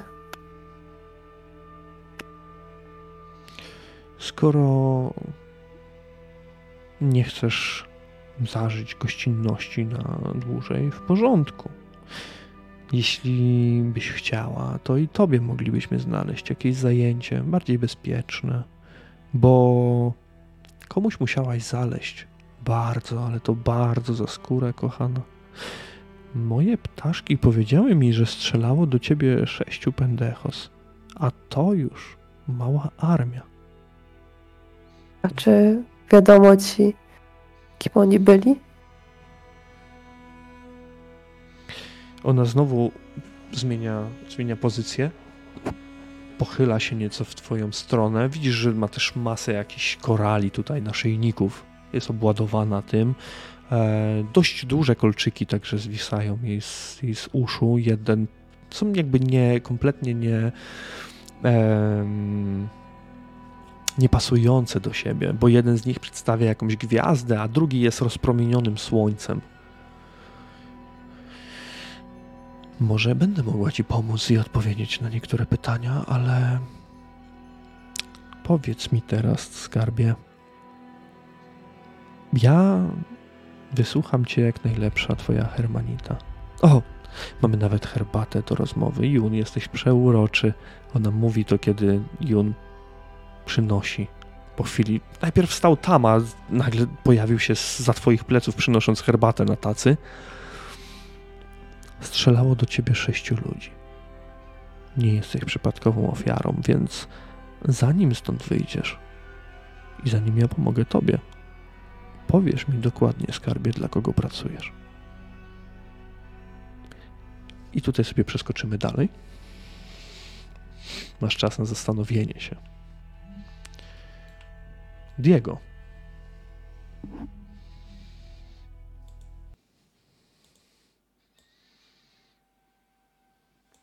Zapytałeś się tego mężczyzny, który spogląda na ciebie teraz z ukosa, o ten atak. Mężczyzna, odbierając od ciebie nieco pieniędzy, spojrzał jeszcze raz w twoją stronę.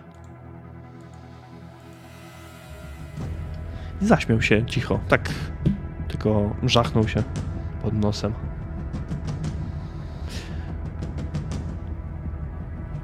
Powinieneś poszukać w miejscu, które nazywa się Senior Julio.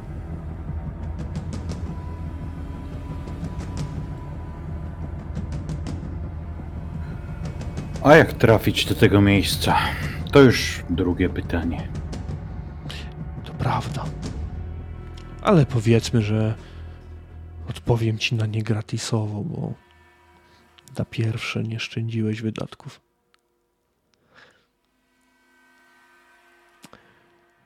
Jeśli przejdziesz parę dziesiąt metrów główną ulicą Tepito, a następnie odbijesz w prawo przy lokalu znajdującym się obok złamanej latarni, trafisz do zakątka, w którym pełno jest bocznych uliczek, zaułków, a senior Julio to stary, stary lokal z rozpadającym się szyldem. Będziesz wiedział, że to senior Julio. Uwierz mi. Pozwól, że zadam ci jeszcze jedno pytanie. Do kogo należy ten senior Julio?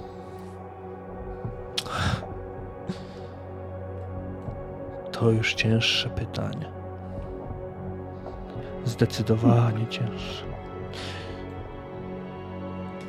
Myślę, że waga waluty, którą otrzymałeś, wyrówna tą szalę. On y, podniósł palec tak jakby kiwnął ci, żebyś się zbliżył, tak jakby nie chciał tego, tego mówić. Senior Julio to jedna z Melin rodziny Sancho. Pomniejszej rodziny z Tepito. No, Ale i tak ci to nic nie powie.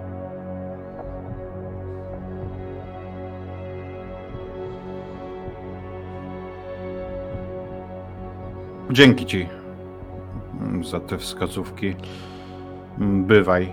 Poklepuję go po ramieniu, no i będę, kierując się tymi wskazówkami, będę chciał udać się do seniora e, Julio. Mm, Po drodze, po drodze sprawdzając e, oczywiście w jakimś takim bardziej ustronnym miejscu, czy, czy, czy moja broń jest nabita i, i wszystko z nią w porządku. Mm, no i, i faktycznie będę, będę ruszał w stronę tego przybytku. Udał ci się rzut na, Tak, na to... metagamingowo, wybacz Stanfi, że Dawaj. tobie przerwę. Czy ja cokolwiek wiem o tej rodzinie Sancho? Wiesz na pewno, że to jest jedno z. Może to nie jest rodzina, może ten mężczyzna um, tak się. Um, tak się wyraził, ale, ale twoja wiedza wydaje się być na pewno bardziej rozległa w tym aspekcie i to, to nie jest rodzina taka jak, jak wasza, czy, czy, czy, czy nawet Agirren, czy jak Skorpiony, to jest jakieś ugrupowanie, może nawet takich luźnych, wolnych strzelców, e, czasem nawet do wynajęcia, ktoś taki. Oni mają jakąś swoją tam swoje barwy albo jakieś swoje znaki, ale ty nie jesteś, nie jesteś ekspertem, nie jesteś stąd. To jedyne co słyszałeś. I e, możliwe całkowicie, że, że w przeszłości e, dochodziło do jakiejś wymiany między wami i to raczej nie myśli zdań, a raczej ołowiu. Mówiąc jakby już odchodząc w myślach, myślałem sobie jeszcze e, tylko puta. To nie będzie proste zadanie, ale muszę ustalić, co stało się mm, z moim bratem. E, no i, i tak powiedziałem, ruszam, kierując się wskazówkami e, tego pasera. Przechodzisz y, kilkadziesiąt metrów dalej pomiędzy tymi straganami. W tym momencie niebo lituje się nad mieszkańcami Meksyku i opad y, deszczu kończy się. Tylko poszczególne, pojedyncze strugi teraz ściekają z, z dachów wprost na ulicę, tworząc kałuże, błota i w niektórych miejscach takie rzeki, które, które płyną ze wzniesienia w, w jego dół. E, Ty mijasz tak zwaną złamaną latarnię. To jest, e, wydaje ci się w tym momencie jakiś punkt orientacyjny, czyli dosłownie to była jedna z latarni, która została niemalże wyrwana z, z ziemi. Jest złamana zdecydowanie. Czy to był ślad po jakimś wypadku, czy może ktoś tutaj użył jakiejś dziwnej siły, to nie jest istotne. To jest tylko punkt orientacyjny. Skręcasz w prawo, tak jak ten mężczyzna, ten paser ci zalecił i ruszasz dalej w te uliczki i czujesz, że wchodzisz w głąb, w serce, to bijące serce jednej z najbiedniejszych i najniebezpieczniejszych dzielnic Meksyku. Poruszasz się po już bardziej błotnistych dróżkach. One już nie są takie ubite, a ta zabudowa wydaje ci się być jeszcze węższa, jakby mieszkańcy mogli zaglądać z okna w okno sąsiadowi. Może to tylko złudzenie. Zdecydowanie jest tutaj mniej ludzi. Zdecydowanie było ich więcej na poprzedniej poprzedniej uliczce, ale ty dochodzisz do lokalu, jednego z lokali tej, na tej uliczce, nie możesz się mylić. Tak jak ten mężczyzna powiedział, rozpoznajesz senior Julio. Stary, rozlatujący się niemalże przybytek miejscami zabitymi oknami, z szyldem, który smutno teraz wisi nad drzwiami, które wydają ci się być zamknięte, ale tak na stałe zamknięte. Żadnych rozmów ze środka, nic takiego nie płynie, nic nie słychać, nikt nie wchodzi, nikt nie wychodzi, kiedy, kiedy zatrzymujesz się i spoglądasz na, na, na tą ulicę dookoła. Mm, no że to taki trochę martwy punkt w tym, w tym miejscu, w, w, tej, w, tej, w tej dzielnicy. Nad lokalem znajdują się jeszcze jakieś dwa piętra, tak jak na przeciwległych budynkach, że tam są już raczej jakieś miejsca mieszkalne, ale wiesz, że tam mieszka e, delikatnie mówiąc, delikatnie mówiąc e, margines i przestępczość aż kipi z tych okien. Te niebezpieczeństwo się wylewa, ale obok tego e, senior Julio znajduje się zaułek. I to na pewno jest. Kiedy łączysz jeden do jednego, jest znak i jest miejsce, w które powinieneś zajrzeć. Oczywiście tam zaglądam. Dobra, wchodzisz tam od razu, czy tylko chcesz się przyjrzeć, jak to wygląda? To znaczy, jeśli chodzi o ten zakłek, y, to nie, bardziej y, jeśli jest taka możliwość, to mm, zakładam, że najpierw już zauważając e, seniora Julion, to zgodnie z, z tradycją e, dobrych e, przestępców, nie podchodzę od razu do niego, tylko raczej z drugiej strony ulicy staję i się przyglądam. Nie wiem, na jakie tam są szerokie ulice, ale bardziej właśnie na tej zasadzie. Wąziutkie, Będąc wąziutkie po- uliczki, tak jak powiedziałem ci. No ale, ale, ale, ale mimo wszystko, gdzieś tam nie po stronie, nie po stronie senior Julio, tylko bardziej po tej drugiej. Myślę, że gdzieś oprać się tam właśnie, mm, niby chowając się przed deszczem, właśnie wyciągnę też sobie papierosa, zapalę i zlustruję, czy cokolwiek w tym y, zaułku widać, zlustruję jak wygląda też senior Ju- Julio, czy gdzieś tam jakieś światło być może z tych okien się wydobywa, czy gdzieś tam ludzie wchodzą, wychodzą, czy raczej zważywszy na, parę, na porę jest to jeszcze trochę wymarłe miejsce i, i wtedy, wtedy dopiero e, wtedy dopiero coś tam upewniając się, że okolica jest względnie czysta i, i co zobaczę z daleka w tym zaułku, no to będę podejmował dalsze decyzje. Poświęcając y, chwilę na to, może parę, maksymalnie paręnaście minut, bo też, no nie, nie, po- powiedzmy sobie szczerze, w takich momentach i takich sytuacjach cierpliwość to jest y, towar deficytowy. Eee, zwłaszcza kiedy nic się nie dzieje. Tam nikt nie wchodzi, nikt nie wychodzi, żadnych świateł, nic się nie dzieje. I mm, ja tutaj skorzystam z Twojej znajomości półświadka bez wydawania żadnego punktu. Wiesz, że takie miejsce to mm, ten paser miał rację, to jest melina.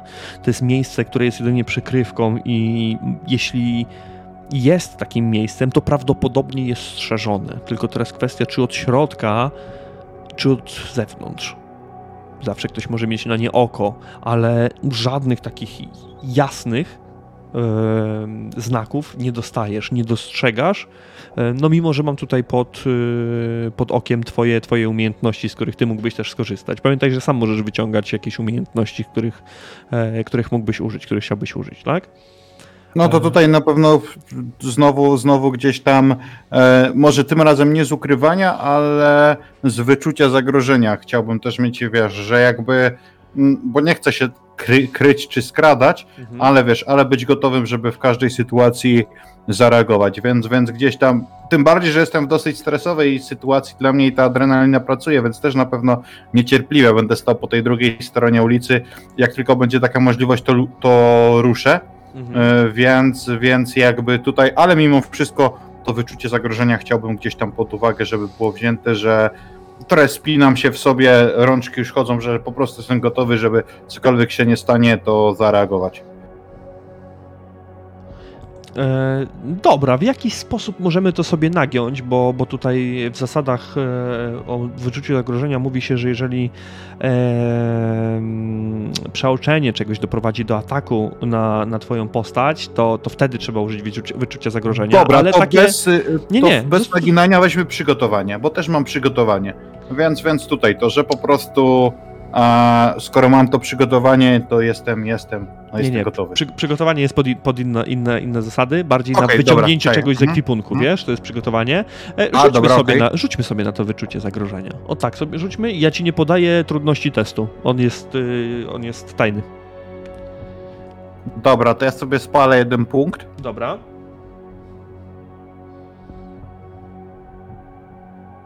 E, Nie wiem, rzuciło czy nie rzuciło, bo ja mam cały czas rolling the dice. No to jak masz rolling the dice, to musimy poczekać. Dobra, Jedynka. a jedynka, Rzuciłeś czyli w sumie trójka. Ty spaliłeś dwa punkty? Czyli w sumie chyba... E, e, nie, jeden, czyli dwójka. Dobra, Dwójka. dobra. W porządku. Eee, nic na pewno nowego ci nie powiem, bo i Chociaż tak... Ja mam wyczucie zagrożenia jako to z gwiazdką, to wtedy to jest podwójnie liczone. Wybacz, że tak pytam, ale, ale nie, to zapomniałem. jest, Tam to, to jest, było- przepraszam, to jest jako twoja umiejętność śledcza, po prostu, wiesz? Okej, dobra, dobra. Z tego, z tego co widzę. Eee, to jest jako twoja śledcza. No i teraz, e, teraz już nie chcę się zagłębiać z powrotem w zasady, bo no kwestia tego, czy powinieneś wydawać punkty, czy nie, ale w związku z tym, że nie wydajecie za dużo tych punktów, to możemy sobie tutaj e, przejść do tego, że wydałeś ten punkcik i że rzuciłeś. Okej, okej. Dobra. Stoisz tam przez y, naprawdę długą chwilę. Jeszcze, jeszcze przyciągnąłeś trochę swoją cierpliwość, spoglądając na ten lokal, ale, żadnych nowych odpowiedzi nie dostajesz i wiesz, że jeżeli mm, masz coś zbadać i ta cała twoja wyprawa, eskapada ma nie pójść na, na marne, to te słowa Francesca sobie przypominasz, że Emiliano został udźgnięty w zaułku jednej z uliczek Tepito. Więc czy tutaj, czy w e, jakimś innym, no to to już jest teraz kwestia badania Twoich decyzji. E, w ogóle, czy coś podejmiesz akcję, czy coś zrobisz, gdzie pójdziesz, w którą stronę pójdziesz, to już zostawiam, zostawiam Diego. No więc pierwsze co, to uzyskując info, skoro uzyskałem taką informację od tego pasera i też do, do opisu, który wcześniej uzyskałem, też pasuje to przejście na drugą stronę, e, w sensie ten zaułek, więc rozglądając się niczego, niczego nie zauważyłem, e, po prostu wyrzucam tego, ten niedopałek, e, rękę tutaj na biodrze przygotowaną, no i co, no i przechodzę na drugą stronę, zajrzeć ten zaułek. Już, już taki dosyć mocno spięty, bo no bo jednak, jednak czas, czas, czas biegnie, a, a wie jak tutaj Diego dobrze wiadomo, dźgnięcie nożem to nie przelewki, więc, więc zaczynam się spieszyć. Ostatnie krople już definitywnie tego deszczu spadają na już błotniste podłoże, kiedy słońce zaczyna wychodzić z za chmur. Pierwsze promyki słońca mm, dzisiaj odbijają się w kałuży, kiedy ty stawiasz krok, przechodzisz, twoje buty odbijają się w tym błocie i upewniając się, podbudowując swoją pewność siebie, ruszasz w stronę tego zaułka który jest przy, właśnie przy senior Julio, wciśnięty pomiędzy budynki i na twoje, wydaje ci się, że mogą się tutaj zmieścić trzy osoby, tak na szerokość, że tyle osób mogłoby iść obok siebie i dotykałyby obu ścian. Widzisz, że jest tam jakiś stary rower, może porzucony, pudła e, i ściana, bardziej taki murek. Nie, nie jest to ściana budynku, tylko mur, który można by przeskoczyć, ale mimo że tutaj już mm, padał deszcz i patrzysz się pod swoje nogi, patrzysz się na, na ściany dookoła, zauważasz ślady krwi. Widzisz przede wszystkim na ścianie odbity ślad, może nie rękę, bo cała dłoń by się nie odbiła, ale widzisz ślad krwi, jakby ktoś się opierał o nią. I taka smuga wręcz. Bryźnięcie tą krwią gdzieś na, na te pudła, na te kartony, na te. Mm, przepraszam, na te skrzynie. O tak, nie kartony. Te skrzynki małe. Bo to, co jeśli było, a prawdopodobnie była też jakaś krew, to została wydeptana albo zmyta już przez, przez deszcz. Mówię o tym na, na podłożu. Ale istotne jest też to, że stając tam w tym zaułku, Mm, widzisz, bo tego się raczej samym deszczem, takim, który tutaj padał, zmyć nie da. Widzisz ślady, jakby ktoś ciągnął kogoś, prawdopodobnie człowieka, ty też już tak ciągnąłeś człowieka wielokrotnie, do albo z lokalu, którym jest senior Julio, prosto przez boczne, boczne drzwi. Mm, no to jakby idę, idę w stronę, w stronę tych, y, tych, tych, tych drzwi bocznych. No zakładam, że raczej do lokalu, no bo rozglądam się i pewnie żadnych śladów na ulicę, mm, na ulicę nie ma, ale sprawdzam to jeszcze. Czy te ślady jakby powiedzmy, jest jakieś miejsce w tym załuku, od którego się zaczynają, czy, czy wychodzą na ulicę jednak? E, nie, nie wychodzą na ulicę, ale mm, spoglądasz jeszcze na te, na te pudła, na te skrzynie i zauważasz, jest takie miejsce, załom y, dwóch y, dachów u góry, które powoduje, że e, ten murek jakby jest miejscem suchym, część tego murku od góry i, i, i jego, jego zwieńczenie. E, I zauważasz na tym murku jakby ślady krwi z, jakby ktoś miał po, poharatane ręce i próbował się łapać tego murku i przeskoczyć na drugą stronę, ale prawdopodobnie nie dał rady. Dobra, w takim razie e, zawra... wyciągam broń, zawracam do głównych drzwi i, i, i, w, i wchodzę. Nie, nie będę tymi bocznymi, tylko już taki mocno, mocno zdenerwowany. Diego na pewno wejdzie głównymi drzwiami. Może nie na zasadzie od razu celując, celując w ludzi, ale wiesz, broń już wysunięta, widoczna i tak, i tak będę gotowa do strzału i tak będę wchodził do środka.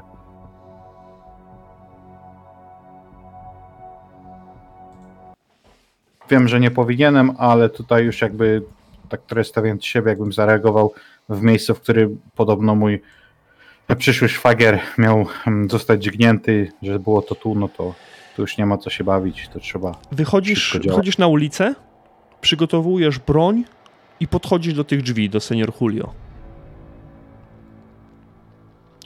Kilka kroków. Łapiesz za klamkę. Kurwa, zamknięte. Ale kiedy zdałeś sobie z tego sprawę, że jest zamknięte, usłyszałeś kroki, odsuwanie się krzeseł gdzieś ze środka, a następnie usłyszałeś po prostu wystrzały przez te drzwi. Kilka wystrzałów. Ale w sensie one w moją stronę, czy. Twoją stronę, Diego.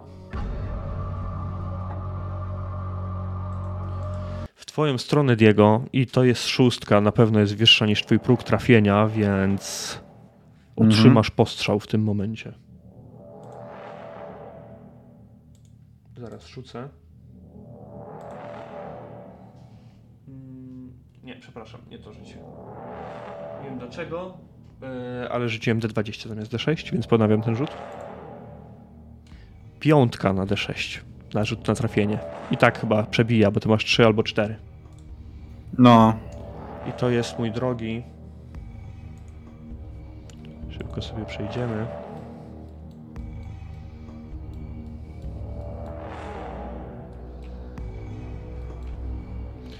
Ale masz E, rzut. 6 punktów obrażeń. O kurde.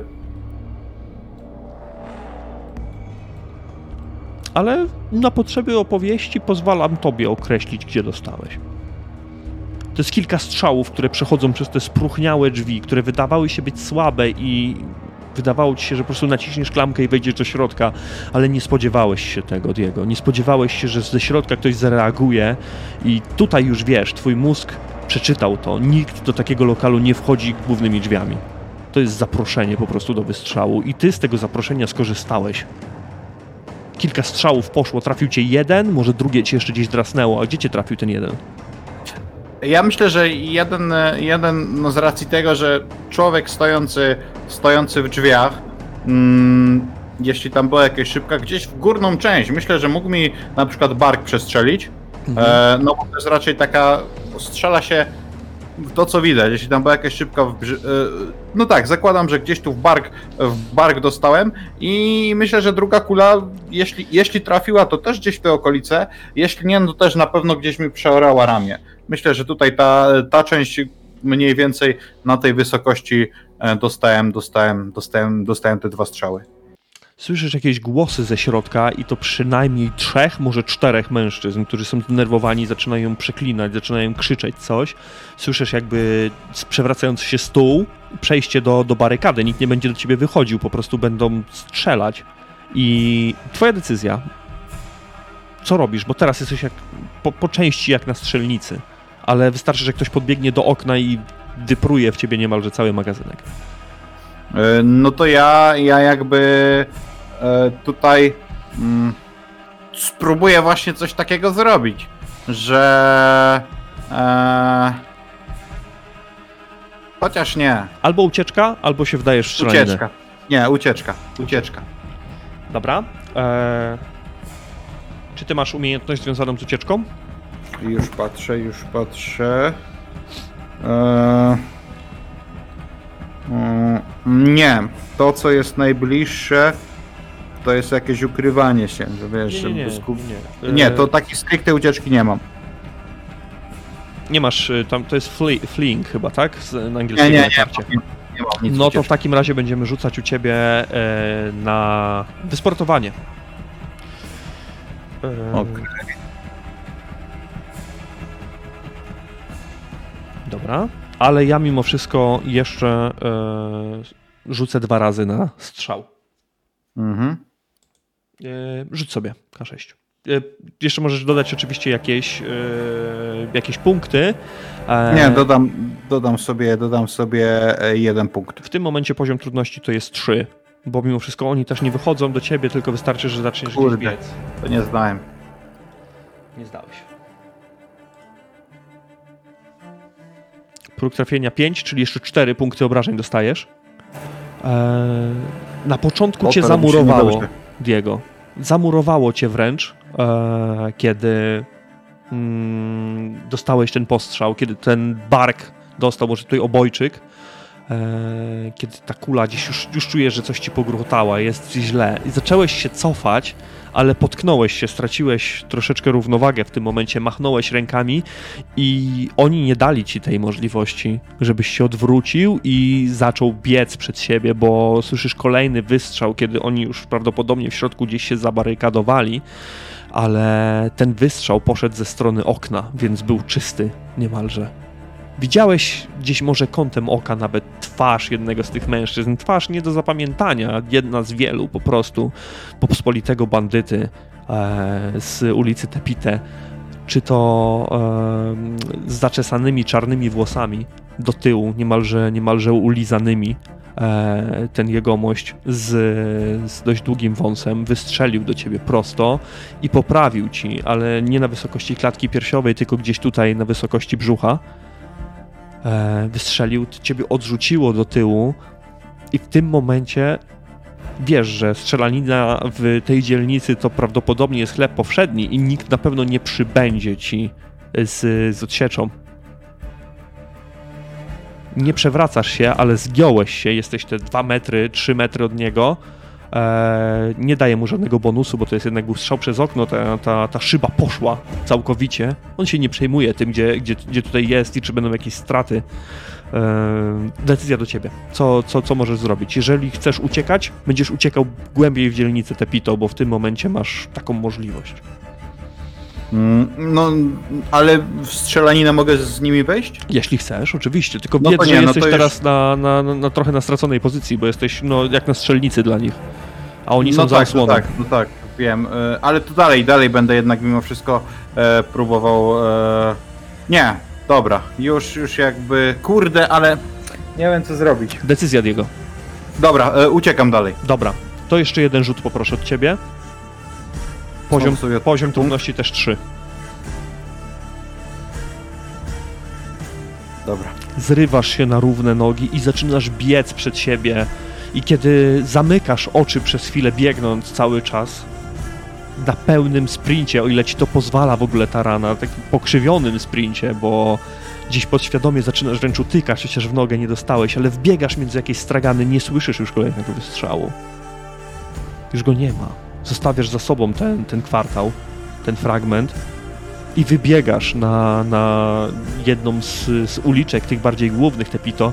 Ludzie na ciebie nie patrzą, jesteś kolejnym, jakby to powiedzieć, postrzeleńcem tutaj. Nikt nie zwraca na ciebie uwagi, jego. Kiedy słońce wybijające się z pomiędzy chmur zaczyna oświetlać twoją twarz. Trochę cię oślepiło, musiałeś przetrzeć pot z czoła. Co będziesz robił? E, Będę chciał, jeśli jest taka możliwość, skoro mówisz, że to już jedna z główniejszych uliczek, e, znowu złapać jakąś taksówkę i, i tylko rzucić kierowcy, bo pewnie ta krew dosyć szybko za mnie upływa i, i niedługo stracę świadomość. Ile masz życia, że E, tak zapytam jeszcze, przepraszam? Dwa. Dwa, okej. Więc, więc, więc tutaj będę, będę po prostu chciał, wiesz, ze swojego stroju, też pewnie po, podziurawionego, co, co większe te rany pouciskać, z jakąś taksówkę złapać i, i rzucić, żeby wiózł mnie właśnie do, e, do kościoła, tam do jadłodajni, porządku. podać, podać tam ten adres. Wychodzisz jeszcze kawałek, wychodzisz na, na, na jedną z tych ulic już głównych, już miasta Meksyk, już nie tego miasta w mieście, nie w Tepito. Kurwa, wiedziałeś, że ta wizyta prawdopodobnie tak się zakończy. Wiedziałeś, ale zdałeś sobie z tego sprawę za późno. Zdałeś to sobie sprawę w momencie, kiedy, kiedy dotarło do ciebie, że, że pojechałeś tutaj sam. Nikogo nie zabrałeś. Ale z drugiej strony, czy warto by było kogoś zabierać ze sobą w tak niebezpieczne miejsce? Myślisz o tym, te myśli gdzieś galopują ci w głowie, e, kiedy przemierzasz już ulicę Meksyku w taksówce. E, taksówkarz nie pyta. Taksówkarz po prostu jedzie. Aha, rzuciłeś mu jeszcze kilka, kilka banknotów, to wiesz, że będzie mógł nagiąć prawo tak czy inaczej. Chociaż wiemy też, że to nie jest żadna, żadna prędkość e, światła, z jaką te automobile się poruszają. Ale w porządku, zostawimy ci tutaj na razie w tej, w tej niepewności i e, Enzo, przeskoczymy trochę w czasie do ciebie. Mhm. No ja tak jak mówiłem, kiedy, a kiedy już skończyłem przygotowywać, pakować jakiś prowiant, już ten samochód zamknąłem, no to obchodzę wszystkie kąty, wyglądam e, przez, e, przez okno.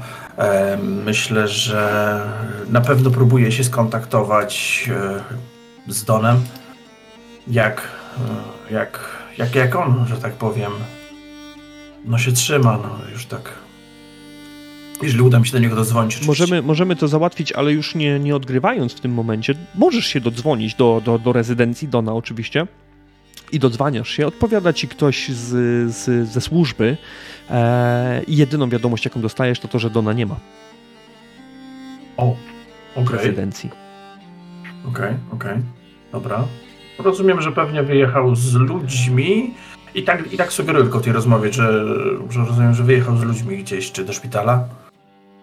E, wiesz co, taka jest e, trochę niepewność w, w, w głosie Właśnie. służby. Jakby nie tylko z jednej strony, czy, czy oni wiedzą, czy nie, gdzie on pojechał, ale z drugiej strony, czy mogą ci przekazać. Okej, okay, okej, okay, dobra, nie naciskam. Dobra, w porządku. Żadnej, żadnej więcej informacji. Jakiś czas mija, może nawet godzina czy, czy, czy dwie w tym wszystkim. Musimy trochę ten, ten czas jakoś uh mhm. tam upłynnić. E, kiedy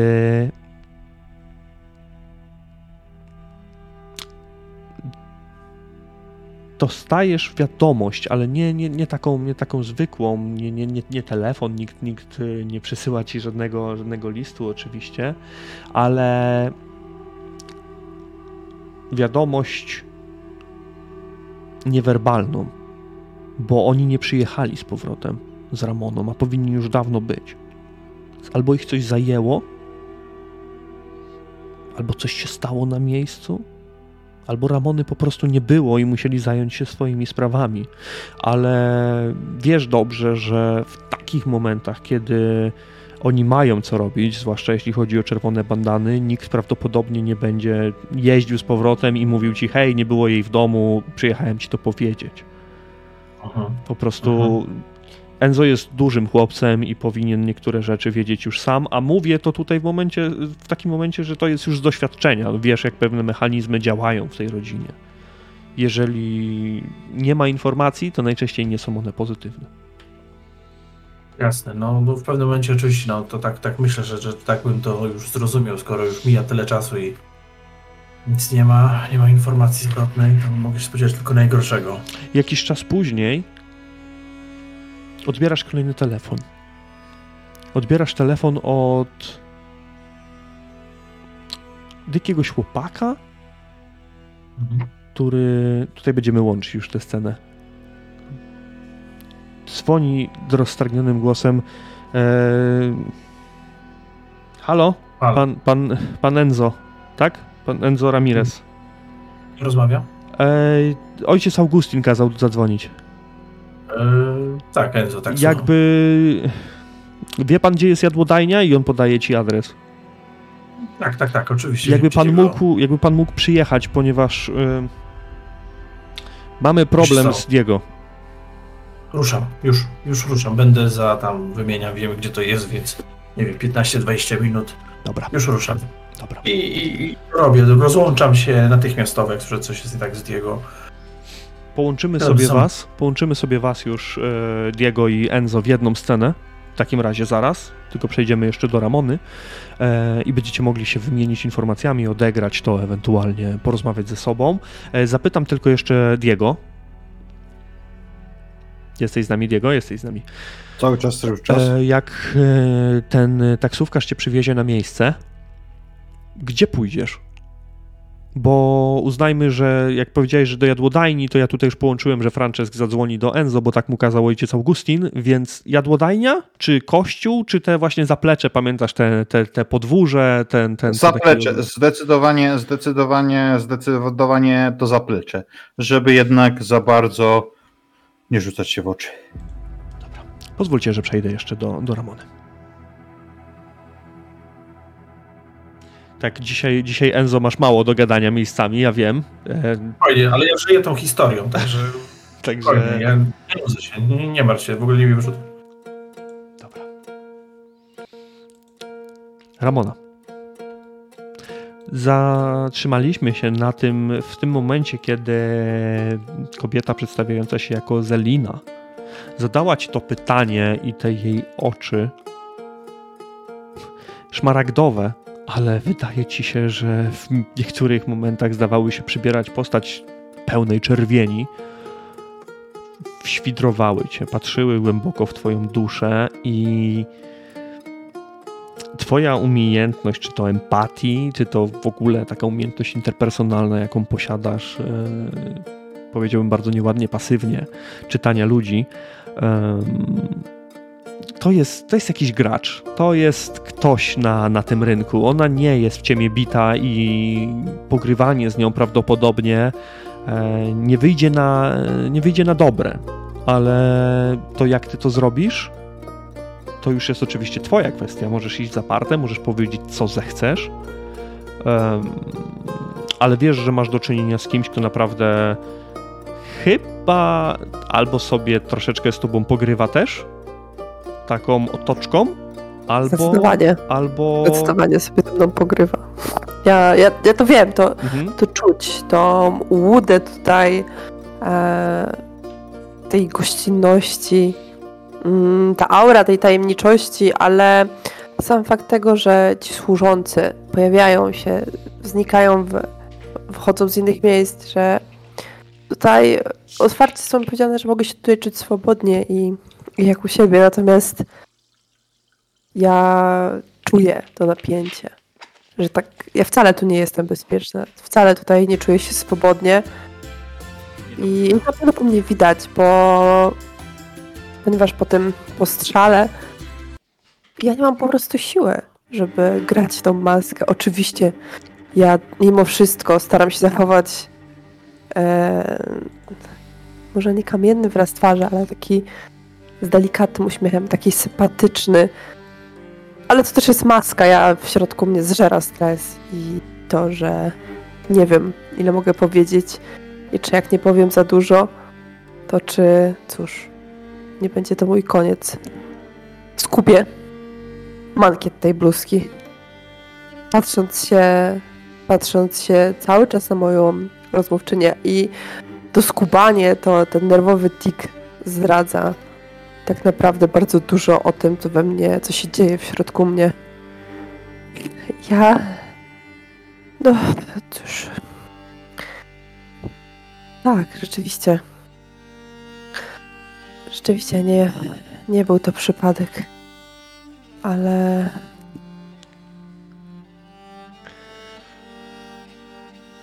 Pracuję dla jednej z rodzin, ale nie jestem nikim ważnym.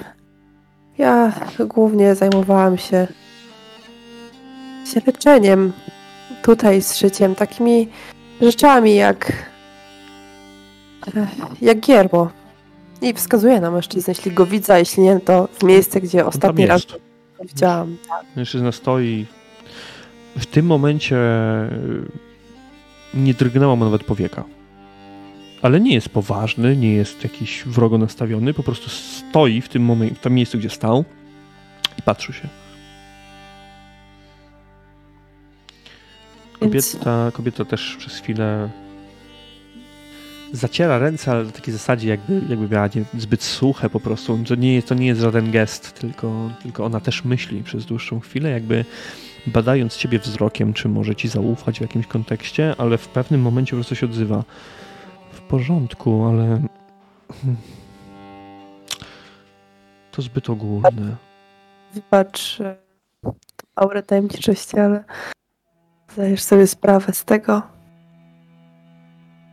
że pomimo, że mam dług wdzięczności u was, ja nie wiem, czy mogę wam zaufać, tak jak ty nie wiesz, czy możesz zaufać mnie. Powtórzę to jeszcze raz, bo może nie wybrzmiało to zbyt dobrze, ale jesteś wśród wolnych ludzi, wśród niezrzeszonych, wśród tych, którzy nie wchodzą w konflikt z żadną ze stron. My handlujemy, bawimy się i pomagamy temu, komu trzeba pomóc. A dzisiaj byłaś ty tą osobą. Nie pomagamy zbrojnie. Nie, my nie walczymy.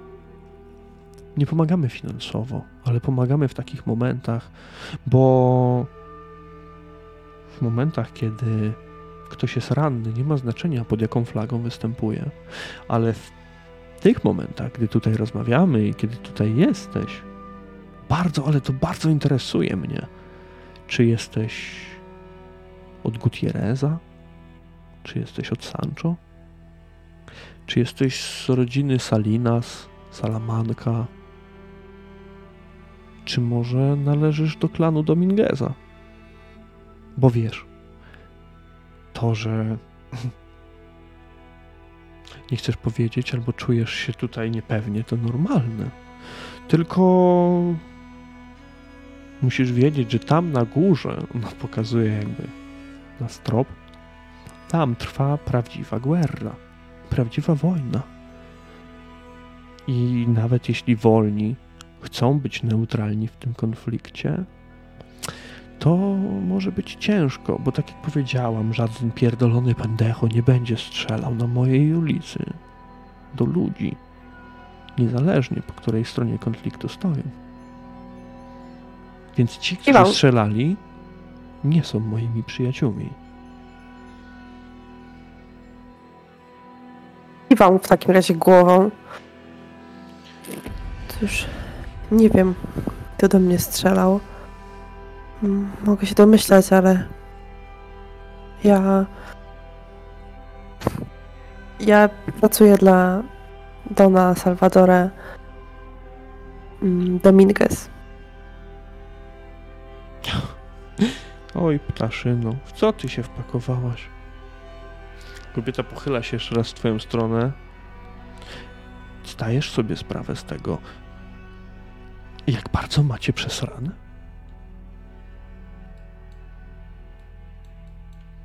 Każdą minutą obawiam się, że to dociera do mnie coraz bardziej i w tym momencie to jest za dużo. To jej słowa po prostu rozwiały tutaj jakie resztki nadziei, jakie, jakie, e, jakie Ramona mogła w sobie mieć. I ona po prostu zaczyna płakać najzwyklej świecie, bo jest po prostu jest przerażona całą tą sytuacją. Mhm. Kiedy Ramona zaczyna ronić łzy, ta kobieta jakby podnosi się z tego miejsca, w którym siedziała i y, kucając przy tobie wręcz y, obejmuje cię, czy klepie po plecach, przytula wręcz. Po chwili podaje ci jakąś chustkę. Wydaje ci się, że to bardzo bogata wręcz, że tak powiem. Chustka w takie, w takie niezwykło, niezwykło się wycierać łez, chyba że się jest kimś z jakiejś rodziny arystokratycznej, ale kobieta na to nie zwraca uwagi. Ona w tym wszystkim, w tych jej słowach, mimo wszystko czuć jakieś ciepło, ona obdarza cię nim. Eee, zauważyłaś kątem oka ruch, tak jakby Guillermo zrobił krok w twoją stronę, ale się cofnął, bo Zelina go wyprzedziła. Gdzieś obok znajduje się ten, ten, ta, ta tacka z, z, z herbatą, która już nieco, nieco przestygła, ale trwacie tak w tej, w tej ciszy, poprzetykanej gdzieś łukaniem Ramony. Już, spokojnie, ptaszku. Pomożemy ci. Pomożemy ci, ale będę musiała ci opowiedzieć pewną historię, kiedy już się uspokoisz. A to oczywiście dłuższą chwilę, ale tak, oczywiście e, te łzy ustępują, a Ramona kiwa głową, że dobrze, że ona, ona jest gotowa. Wyciera, ale tak bardzo e, bardzo oszczędnie. swoje łzy w tą, w tą chustę, jakby no nie chcąc jej em, i splamić, tak? Zmoczyć za bardzo. Może zniszczyć w jakiś sposób. Dziękuję. Powiem to trzeci raz. Zostałaś postrzelona na mojej ulicy. Jeżeli należysz do Domingueza, to zrobili ci. Zrobił to ktoś z pozostałych. A moi ludzie postarają się dowiedzieć, która rodzina podniosła na was rękę. Chociaż obstawiam, że była to któraś z wymienionych, bo wasza rodzina ze wszystkimi ma na pieńku. I uwierz mi, że w tym momencie wiele z niezrzeszonych band chwyciło za broń, aby się was pozbyć. A my wolni bardzo lubimy neutralność i równowagę w tym mieście, jak i w kraju, bo to pomaga nam handlować. Więc, moja droga Hermanito, jeśli tak mogę powiedzieć, możemy zawrzeć pewien układ. Ja powiem ci coś, co może być trochę trudne dla ciebie do zrozumienia. Ale jeśli tylko pojmiesz to, to otworzy ci oczy na wiele, wiele różnych rzeczy związanych z polityką i z tym, co jest przyszykowane dla rodziny Dominguez. W zamian za to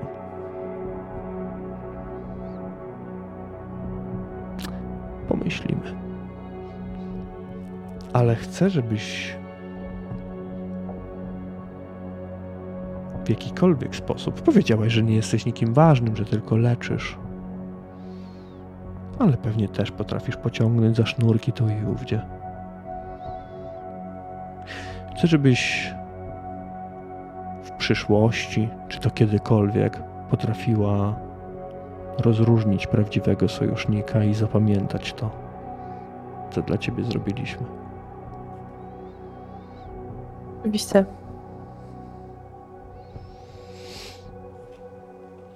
Posłuchaj mnie. Bo to jest bardzo ważne w kontekście tego, co się wydarzy, a wie to bardzo mało osób. Kobieta rozpiera się w tych poduszkach, chwytając za jedną z czaszek pomalowanych niczym na Dia de los Muertos, na tamtejsze święto e, Halloween, święto zmarłych, w bardzo dużym skrócie przedstawiając. I w dziwny sposób, niepokraczny, ale taki troszeczkę nawet odpychający, zaczyna gładzić tę czaszkę, jakby to był jej najlepszy przyjaciel. Meksyk jest miastem szczególnym. Ludzie, potomkowie Azteków, od dawna wierzą, że mają misję do wykonania. Zamieszkujący półwysep Yucatan Majowie zawsze patrzyli w przyszłość. Czytali z gwiazd, wyznaczali kalendarze, ale to Aztekowie swoimi darami zaspokajali potrzeby bogów. Dzięki nim cały świat, nieświadomy, mógł żyć w swoim błogim pokoju. Bo, jak pewnie wiesz, Ramono, ludzie zawsze znajdą wytłumaczenie dla wojny, dla mordu. Jeden mord w tę czy drugą stronę dla ludzi jako ogółu nie robi żadnej różnicy. Zgodzisz się ze mną? Oczywiście. Tak. Czym jest jedno życie w obliczu tysięcy?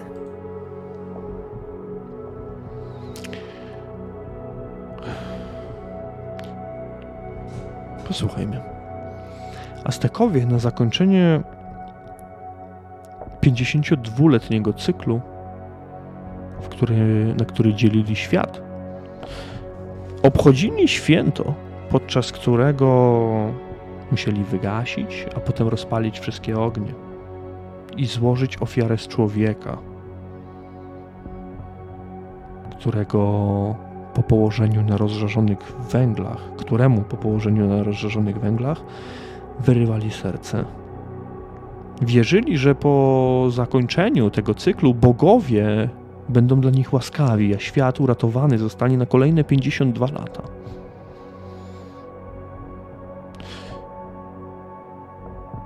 To powinnaś wiedzieć z różnych dziwnych lekcji. Tylko wiesz prawdopodobnie, dokąd zmierza ta historia.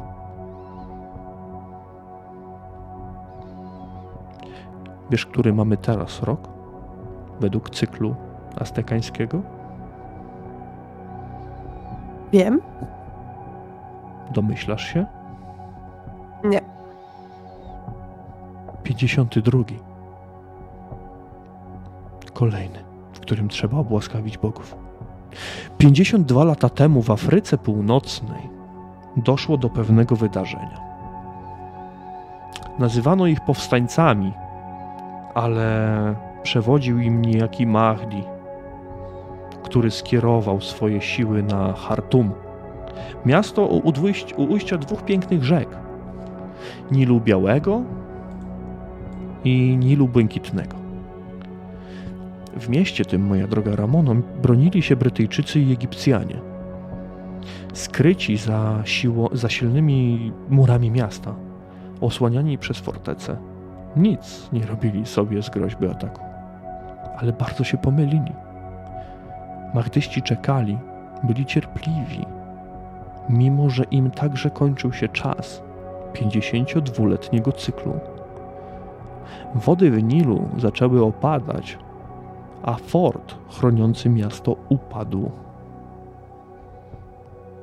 Odsiecz przybyła za późno, a pewnych siebie Brytyjczyków wyrżnięto co do nogi razem z mieszczanami. Dowódcę zabito, głowę dostarczając Mahdiemu. Miasto upadło, ogołocone i ograbione. Porosło krzewami, a następnie zostało zasypane przez piaski pustyni. Ofiara została spełniona.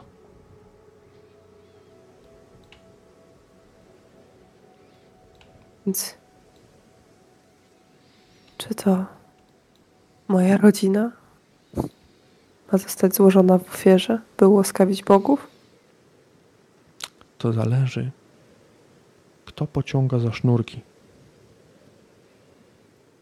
i kto wydaje się być namaszczony przez bogów do odprawienia takiego rytuału.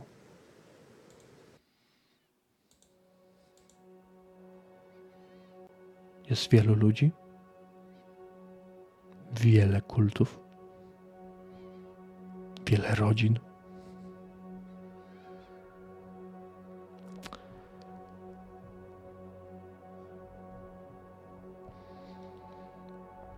Wiesz,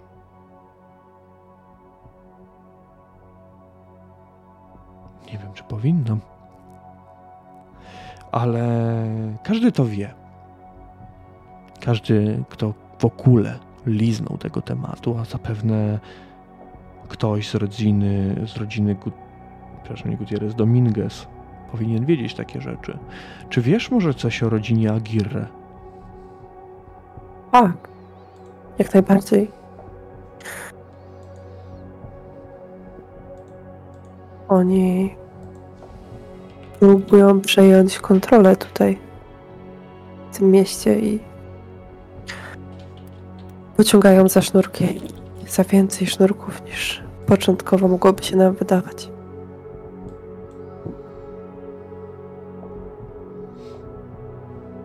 Czekaj sekunda.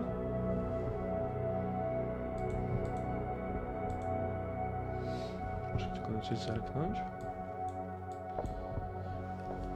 Na czele waszej rodziny stoi Don Salvadore Dominguez. Na czele rodziny Aguirre stoi Don Fernando Aguirre.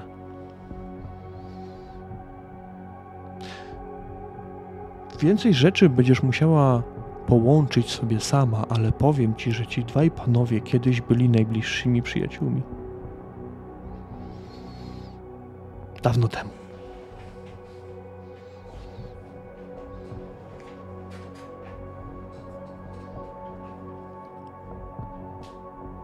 Bardzo dawno temu.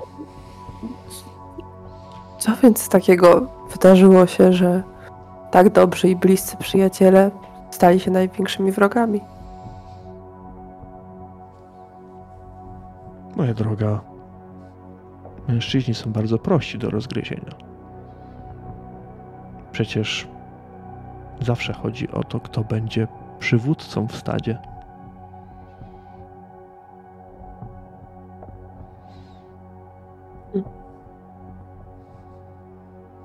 No tak.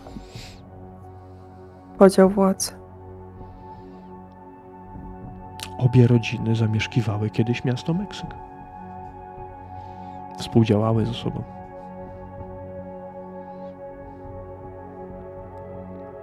Ale Nie. coś zmusiło Agirre do opuszczenia tych murów.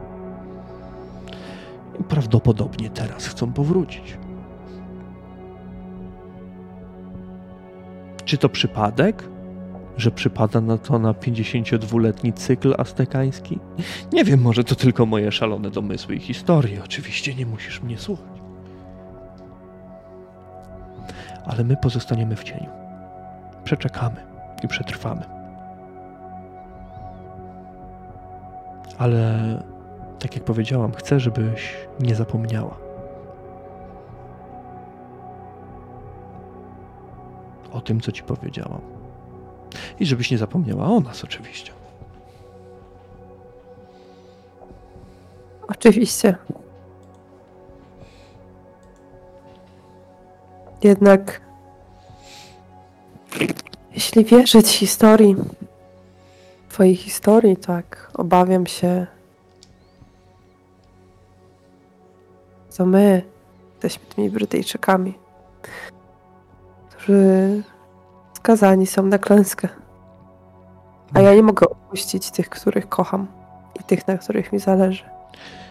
W takim razie, Ramono, musimy zrobić tak, aby nasz Meksyk nie stał się drugim Hartumem.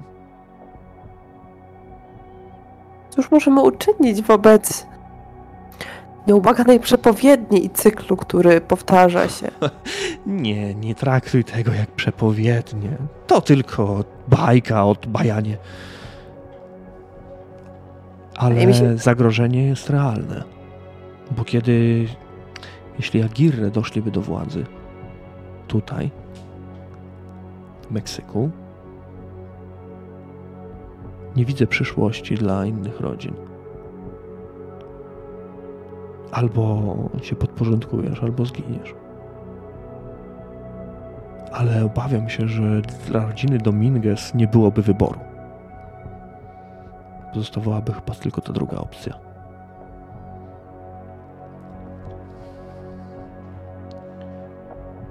W takim razie należy złączyć pozostałe rodziny, czy konflikt, czy skłócone, czy nie, w obliczu nadejścia wroga należy połączyć siłę i go odeprzeć w końcu. To nasze miasto, czyż nie? To nasze miasto. Pamiętaj jednak, że rodzina Aguirre już od jakiegoś czasu próbuje dzielić i rządzić wśród pomniejszych rodzin. A ich wpływy dawno już przesiąkły biedne dzielnice miasta. Jak ich powstrzymać? Albo może inaczej, jak podnieść ten ruch oporu, jaki jest nam potrzebny? O, tego nie wiem. Ja jestem zwykłą pacyfistką. Brzydzę się wojny. A ja? Ja tylko leczę ludzi, trzymam ich, Ale Pomaga. masz wiedzę. wiedzę. Ale jestem nikim.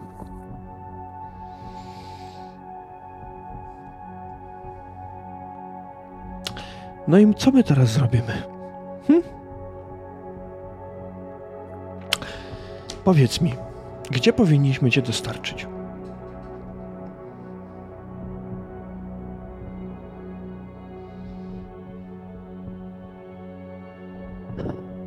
O, zajmie się, zajmie się transportem, nie musisz się martwić. Powiedz, gdzie cię tylko odstawić.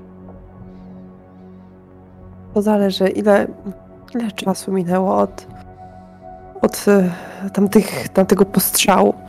Oj, niewiele. Zbliża się wieczór. Czy, może to za, o za dużo proszę, ale czy wiesz, co się dzieje w mieście? Czy doszło do jakichś innych strzelanin? Tak. Wasza Donna została postrzelona i to poważnie. I z tego co wiem, a wiem sporo, jest teraz w szpitalu. Ale o tym trąbi cały Meksyk. Cały podziemny Meksyk.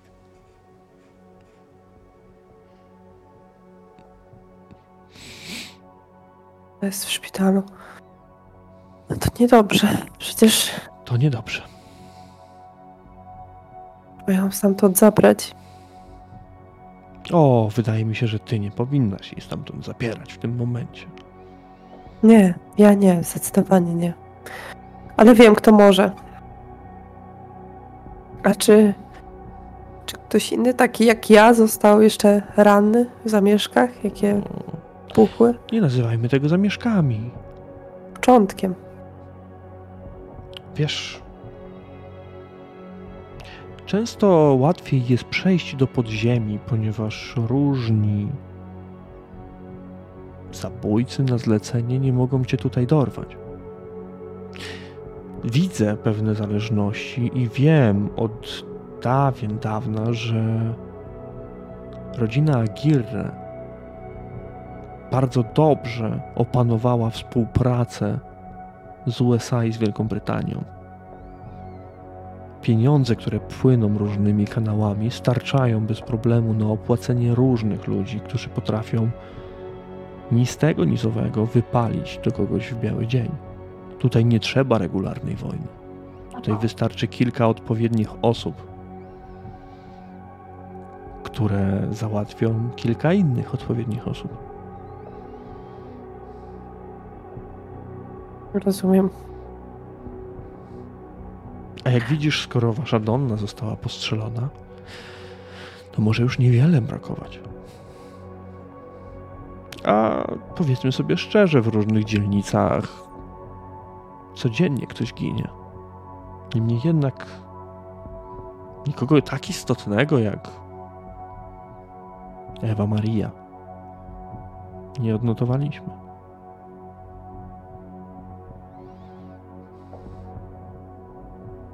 Oczywiście.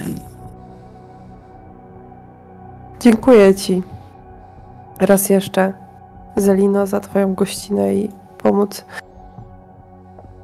Ale na mnie już czas i jeśli możesz, to proszę podrzuć mnie do rezydencji mojego przyjaciela. Muszę się z nim naradzić.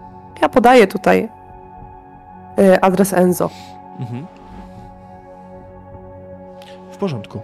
Cała operacja będzie wyglądać na, na takiej zasadzie, że stety bądź niestety zostaną ci zasłonięte oczy, kiedy będziesz wyprowadzona na zewnątrz.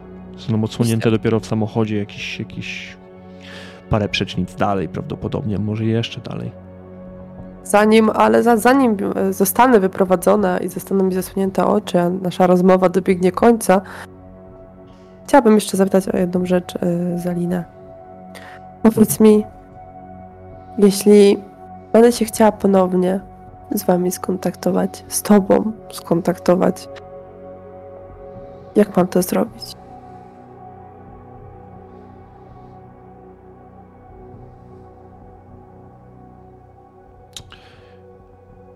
Wiesz, najbezpieczniej będzie, jeżeli pojawisz się na tej samej dzielnicy. Na tej samej, przepraszam, na tej samej ulicy. Moje ptaszki powinny cię wypatrzeć bez problemu. Dobrze. Dobrze. Tak więc zrobię. Wstaję. Mhm. W porządku. E, ona się z tobą żegna. Odprowadza cię, cię Guillermo. Ale on cię nie odwozi. Odwiedzi cię ktoś inny prawdopodobnie.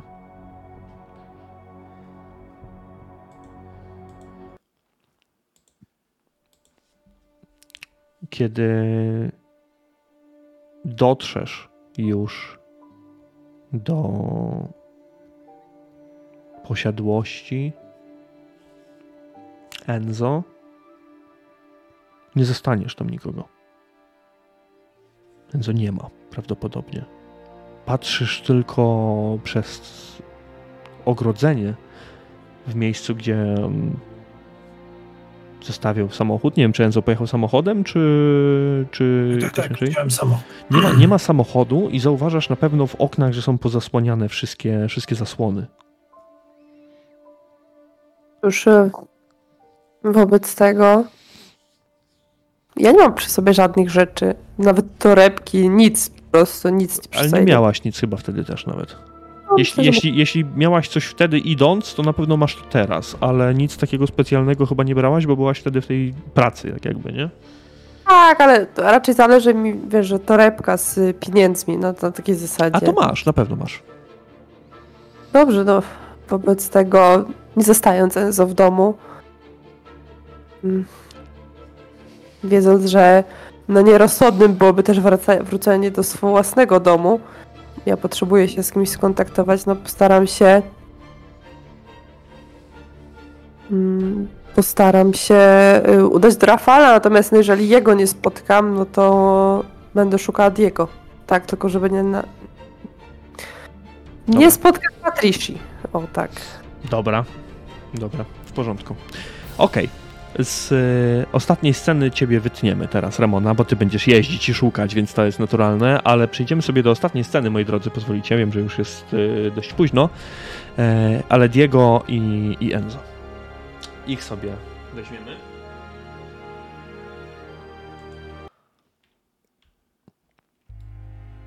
Enzo, zaraz dotrzesz na, na miejsce wezwany. W tym momencie, Diego, ty mm, będziesz opatrywany. W... Nie ma tutaj na pewno żadnego wykwalifikowanego medyka na miejscu, a ty dostałeś. Może nie jesteś ciężko ranny i, i, i nic nie zostało uszkodzone, nawet e, możesz chodzić, jesteś w stanie, ale to kolejna rana, kolejna blizna do, do twojej kolekcji. Więc możemy uznać, że jesteś gdzieś na tym zapleczu tej jadalni, tam gdzie jest takie podwórko, są jakieś różne szopy e, poustawiane, nawet jakieś za- zadaszone miejsca murowane i w tym, w tym murowanym em, garażu, tak to możemy nazwać, jakimś stanowisku, e, gdzie, gdzie, gdzie ktoś się para rzemiosłem, najczęściej ci, ci młodzi, mm, młodzi chłopacy, e, siedzisz z, bez w ogóle żadnego okrycia, e, bez żadnej koszulki i na początku doglądał ciebie ojciec Augustin, załamując ręce kilkukrotnie. Mm, Jeszcze kilka osób zostało wezwane, więc teraz jesteś niemalże jak mm, ktoś, główny aktor jakiegoś przedstawienia. Żadna kula nie, nie przeszła na wylot. Trzeba było ją wyciągnąć, trzeba było ją odkazić. Dostałeś butelkę jakiegoś meskal na pewno do, do, do popijania, bo to nie ma mowy o, o niczym innym. I, I było to bardzo nieprzyjemne przedsięwzięcie, ale w tym czasie do tego miejsca, do tej jadłodajni zdołał dotrzeć Enzo. Enzo kilka pytań i jesteś już tak naprawdę na tym podwórku. Lichym, bądź bo, bo lichym, ale jednak e, jeszcze kilka kroków dzieli cię od Diego i Diego sekunda teraz, ja sobie rzucę sobie, żeby było sprawiedliwie. Cztery punkty żywotności sobie dopisz Diego. I kiedy siedzisz tak trochę przewiązany, czy to jakimś prowizorycznym bandażem, tutaj masz plamy od, od, od krwi, która już zakrzepła zdecydowanie, ale e, ślad pozostał na tym bandażu. E, do tego miejsca pełnego, to nie jest żadne sterylne pomieszczenie, nie oszukujmy się, e, wchodzi Enzo. Panowie, w końcu mogę was połączyć na tej sesji razem. Więc oddaję Ja- wam głos. Kiedy widzę Diego, to od razu po prostu podbiegałem i go, co się stało? Zamach był na ciebie też? A, I jak to też? To na kogo był zamach? Donna, Donna została ranna. Jest w szpitalu. I słysząc to, Diego pewnie próbował się zerwać, a, ale co, ból go znowu... Ach. Żyje? Kto to zrobił? Żyje. Nie wiem jeszcze. Czerwone bandany mają to wyjaśnić. Mieli też przywieźć do mnie Ramonę. Boję się, że coś z nią też się stało. Nie wiem, jakiś ach, cholernie pechowy dzień a, w, tym, w tym mieście. Ach, musimy s- jak najszybciej skontaktować się e, z Javierem, a zapytać go, e, co się dzieje i co dalej. Co udało mi się ustalić, Javier jest z, z Donem, a Dona nie ma w domu. Więc albo jest w szpitalu, albo w jakimś bezpiecznym miejscu. Ach, zapewne masz rację. Nie mogą w tym momencie siedzieć na widoku. A, musimy więc skontaktować się z kimkolwiek innym, udać do któryś z, z naszych zaprzyjaźnionych miejsc i, dowiedzieć się czegoś, co mamy robić.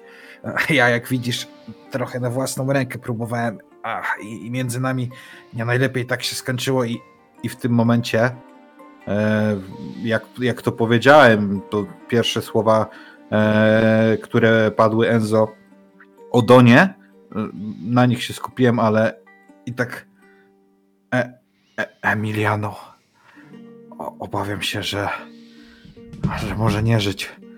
A Trafił ach, trafił niepotrzebnie do, te, do Tepito i byłem tam szukać go ale, ale mnie napadli. A, twój kolega, tak? tak, tak, tak. Brat. Brat mojej narzeczonej. i- Byłem w Pito, tam taka knajpa senior Julio do rodziny Sancho i, ja chciałem wejść do środka zapytać, bo tam prowadził trop, to ach, ach puta. Nawet, nawet nie otworzyli drzwi, zaczęli strzelać od razu za ściany i, i mnie trafili.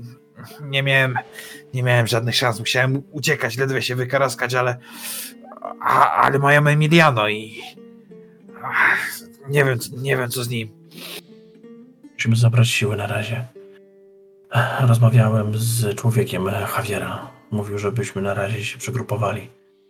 Mam zabrać jak najwięcej ludzi się da. Przypuszczalnie jakąś akcję odwetową pewnie przepuścimy. A powiedział ci, gdzie mamy się zaszyć, spotkać, poczekać? Na razie, na razie u mnie. Ale kiedy dowiedziałem się, że z tobą jest nie tak, no od razu ruszyłem tutaj. I, i ja tak wyciąga, wyciągam rę, rękę w stronę Enzo. A, dzięki ci. Jak to mówią prawdziwych przyjaciół, poznaje się w biedzie.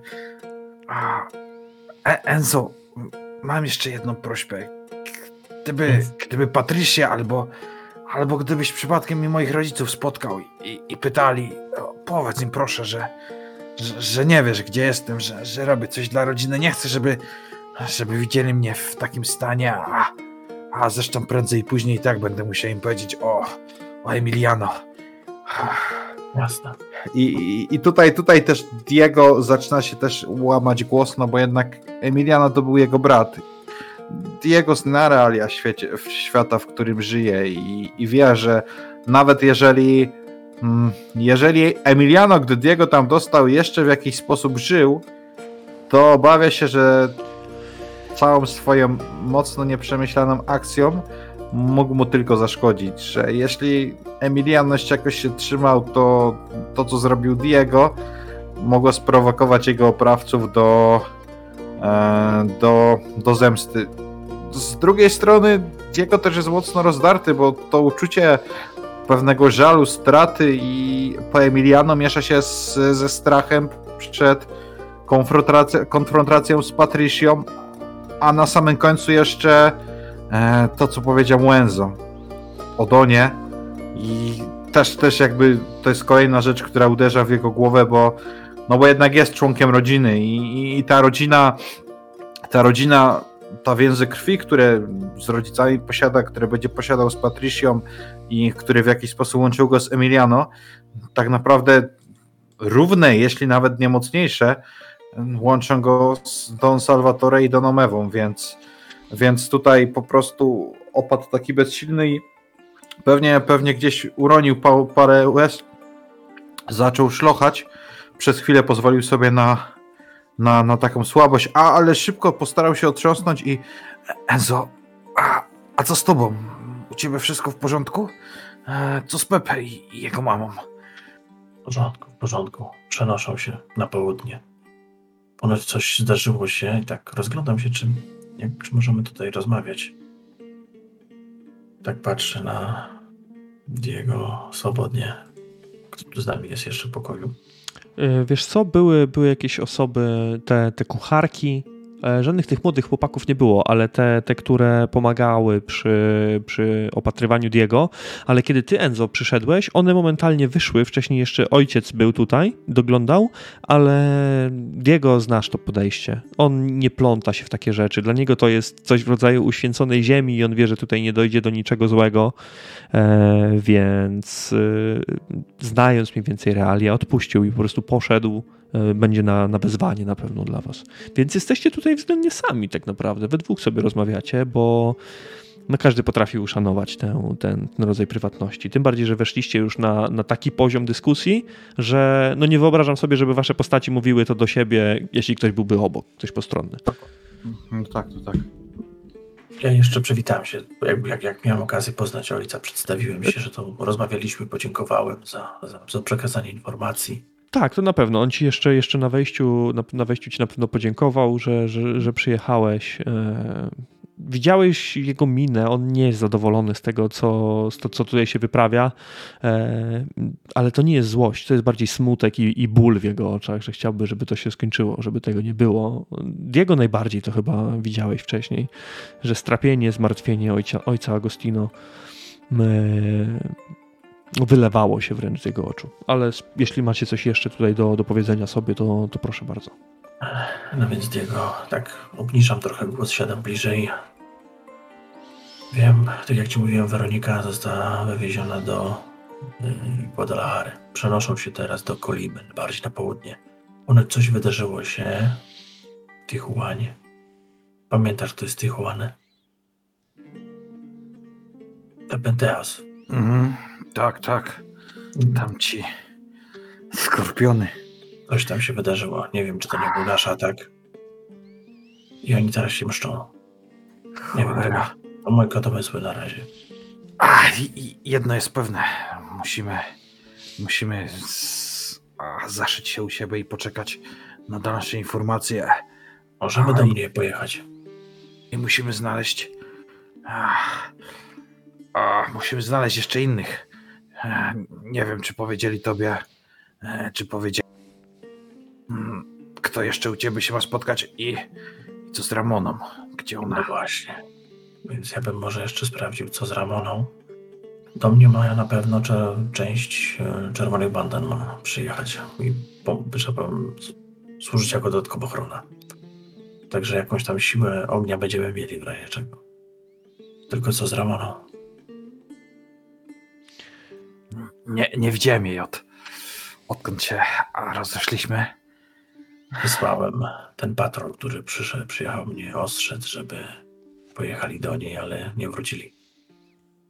Więc no, wiesz, w takiej sytuacji. Cóż, e, Co się może dziać? Ramonę niełatwo. e, Niełatwo znaleźć.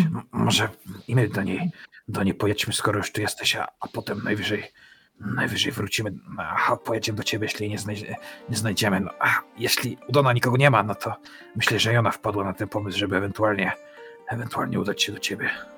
Też tak myślę. Zróbmy tak. Y, Jeśli Ja jeszcze będę ch- mhm, chciał pożegnać się z y, ojcem i Zanim też to- poprosić go. Zanim to, Mhm. Diego, poczekaj. Bo kiedy, kiedy rozmawiacie w tym momencie i ty się już podnosisz praktycznie, słyszycie, jak po tym podwórku niosą się odgłosy ciężkich kroków męskich. I to przynajmniej trzy osoby.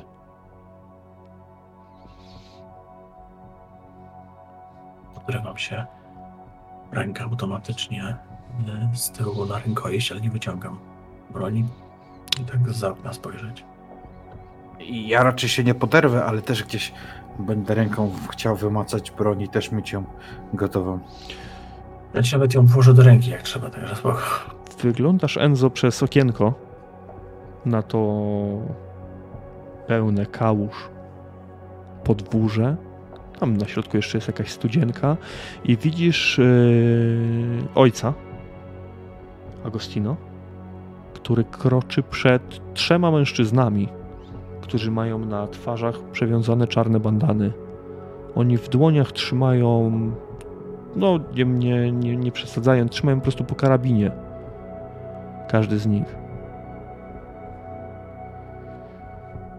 O, cholera. En, Enzo, panie Enzo, Diego, ktoś Diego, chce z broń. porozmawiać. Słyszycie głos Agostina. Ja Tylko tylko idą tu. Czarne Głośno. bandany. głośno wzdycham. Stąd chyba nie ma drogiej ucieczki zresztą. O, ojciec już powiedział, że, że tu jesteśmy. Nie możemy, nie możemy go narażać. I tak spojrzałem na Enzo. Enzo, byłeś cudownym przyjacielem. Chyba pora, pora do nich wyjść. Jeśli, jeśli tu zginiemy, to, to wiedz, że czuję się zaszczycony, że, że mogę walczyć. I jeśli trzeba zginąć u twojego boku. Jego. Nie mów na razie takich nawet rzeczy. Dla mnie to też oczywiście i zaszczyt było z tobą pracować, ale poczekajmy jeszcze.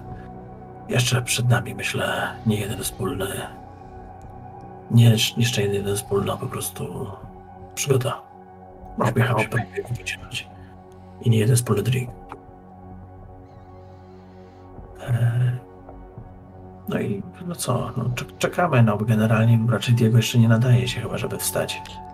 Mimo wszystko, wiesz, uciekał biegając, więc nadaje się. Nie, to ja też... myślę, że gdzieś tam, gdzieś tam wstanę, może nawet się opro Enzo, ale jednak będę fanem tego, żebyśmy, żebyśmy wyszli na zewnątrz do nich. Żeby cokolwiek się miało stać, to no nie tutaj na terenie, no nie. Wychodzicie w takim razie, jak już tak możemy przeskoczyć, y, Diego, czy ty jakąś koszulę może jeszcze narzucasz na siebie rozpiętą, bo jesteś, jesteś mimo wszystko ranny. Nie jakoś poważnie, nie bardzo, ale to dać się we znaki e, na pewno bólem. E, Enzo, ty także wychodzisz i ojciec, widząc was, odchodzi na bok, a tamci mężczyźni nie reagują. Na twarzach mają te czarne bandany, tak jak, tak jak, tak jak powiedziałem, ale za nich, za tych mężczyzn wychodzi pewnym krokiem kobieta. Dość młoda, około 30 lat, ma długie blond włosy, które opadają jej za plecy, a twarz także ma przysłoniętą czarną bandaną. Jest, nie oszukujmy się, nie, nie bójmy się tego słowa, jest naprawdę atrakcyjna i nie wydaje się być groźna, gdyby nie to, że także po obu stronach e, na biodrach ma kabury z pistoletami. Ludzie Domingueza, szukałam was przez dłuższy czas. Jesteś. Pytałem co i tak trzymam jedną ręką Diego, ale rękę trzymam z tyłu na, na broni, nie wyciągam jej. Nie jesteśmy jakimiś bandytami, nie będziemy strzelać w miejscu, gdzie Bóg jest tak blisko i uszanujemy prośbę Ojca. Ona spogląda na niego. A ja nie jestem tutaj po to, aby wam grozić. Broń jest tylko do samoobrony. Nazywam się Paki Leiwa i przychodzę do was jako dyplomata rodziny Salinas. Powinniście wiedzieć, że rodzina Dominguez nie jest jedynym graczem w mieście. Już nie. Ponieważ pomniejsze rodziny Salamanca, Gutierrez, Sancho, Salinas mogą się połączyć i zaszkodzić interesom wszystkich. Każdej rodzinie. Wasz Don jest już stary i widzi naprawdę niewiele, żyjąc przeszłością. A my? My chcemy ugruntowanej pozycji. My mamy na tyle siły, także w dzielnicy Tepito, by kontrolować pomniejsze rodziny i kierować ich nienawiść przeciwko sobie, tak jak zawsze bywało. Bo rozbite nie mogą nikomu zagrozić. Nie wiem dlaczego rodzina Dominguez i ci z Tijuany tak się nienawidzą. Ale to, co nie jest na rękę Dominguezowi, jest na rękę Aguirre i na odwrót. A my korzystamy z tej gry, bo możemy na tym tylko zyskać. Więc jesteście skłonni ze mną porozmawiać? Na poważnie? Spoglądam na Enzo, wzruszam ramionami, rzucam tak mu ciszej. Chyba nie bardzo mamy wyjście. A do tej paki. Ach, nasze słowa nie mają żadnej wartości. Nie jesteśmy nikim ważnym, ale porozmawiać oczywiście możemy. Ale mówiąc to, spoglądam na Enzo. E, czy, czy, on, czy on ma to samo zdanie, czy jednak, czy jednak coś, coś innego powie? No, no tak to samo podtrzymuję to, co Diego powiedział, także porozmawiać możemy, ale nic nie możemy obiecać z naszej strony. Rozmowa z uszanowaniem tutaj praw e, ojca jak najbardziej. Posłuchajcie mnie, bo mam oficjalną propozycję, którą będziecie mogli zanieść wyżej. Tak to działa. Na tym działa polityka i na tym działają posłowie. Wszystkim powinno zależeć, a przynajmniej tak na tym zależy rodzinie Aguirre, aby pociągi z Meksyku do Veracruz jeździły jako nietknięte. Powinno na tym zależeć także nam w rodzinach Meksyku. Bo nie możemy sobie pozwolić na to, aby armia znów za bardzo interesowała się ludnością. Nikt z nas nie chce żołnierzy na ulicach. I nikt z nas, a mam to pewność, nie był na tyle głupi, żeby napaść na jeden z pociągów do Veracruz kilka dni temu, więc pozostaliście jedynie wy. A to bardzo rozsierdziło niektóre osoby. I to bardzo, ale to bardzo zaangażowane politycznie. Muszę mieć pewność, że zrezygnujecie z tych napadów. My, jako rodzina Salinas, chcemy jednak sojuszu, a nie rozlewu krwi. Więc występuję tutaj jako oficjalny poseł i ważna osoba, składając Wam propozycję na początku paktu o nieagresji i poprowadzenia negocjacji oficjalnych na neutralnym gruncie. Chcę, żebyście pomyśleli nad tym, co powiedziałam i przekazali te propozycje wyżej. Jeżeli zdecydujecie się na współpracę, rodzina Salinas będzie mogła zapewnić Wam neutralność, brak agresji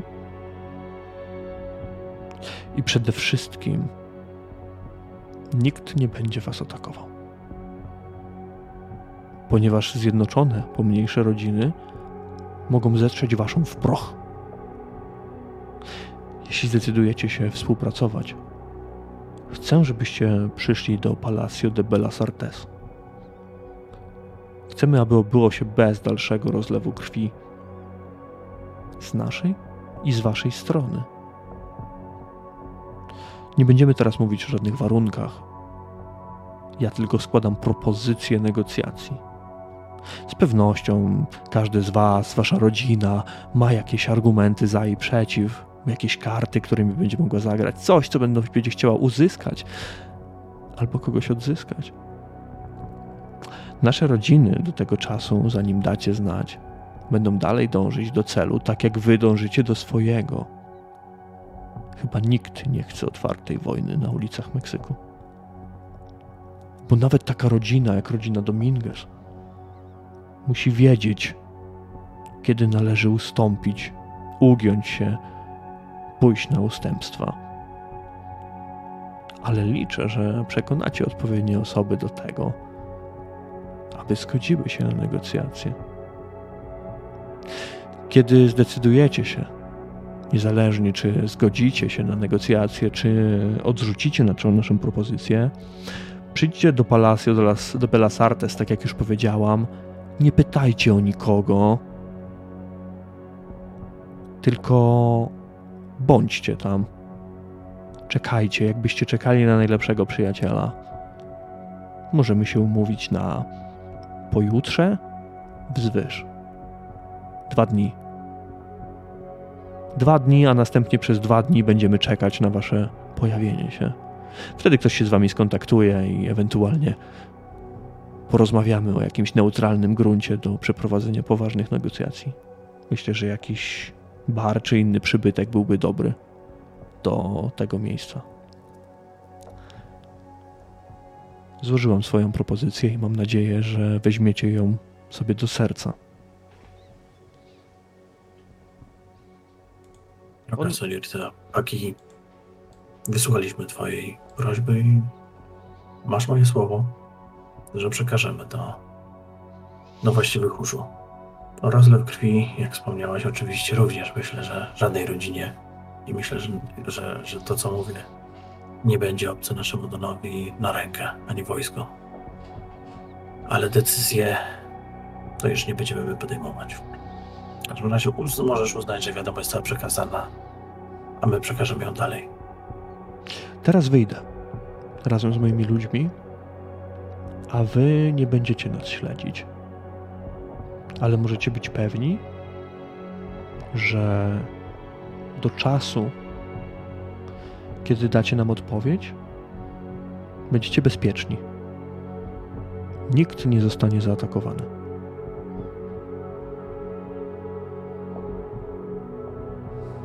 Nie bierzcie tego do siebie personalnie, ale te wszystkie wszystkie ataki to część gry. Wasza rodzina też atakowała naszą. Ale porozmawiamy sobie o tym kiedy indziej. Dziewczyna, jakby nie czekając już na waszą dalszą odpowiedź, ona spełniła swoje zadanie. Obróciła się dość gwałtownie, włosy tylko zaświszały niemalże w powietrzu, kiedy ona obróciła się na pięcie w tych swoich wysokich butach, w glanach, ruszyła z powrotem przez to podwórze. Tych trzech mężczyzn obróciło się i odeszło niczym żołnierze za swoją panią generał. I kobieta zniknęła wam z oczu przez jadłodajnię. A ty, Ramono, kiedy podjechałaś ostatecznie, żeby znaleźć w końcu kogoś, nie znalazłaś Rafaela, nie było go. Nie znalazłaś, e, szukając, nie wiem, Diego, dajmy na to jakimś innym miejscu, nie znalazłaś go. Ostatnim miejscem poszukiwań mogła być ta jadłodajnia, którą też wiedziałaś, gdzie jest.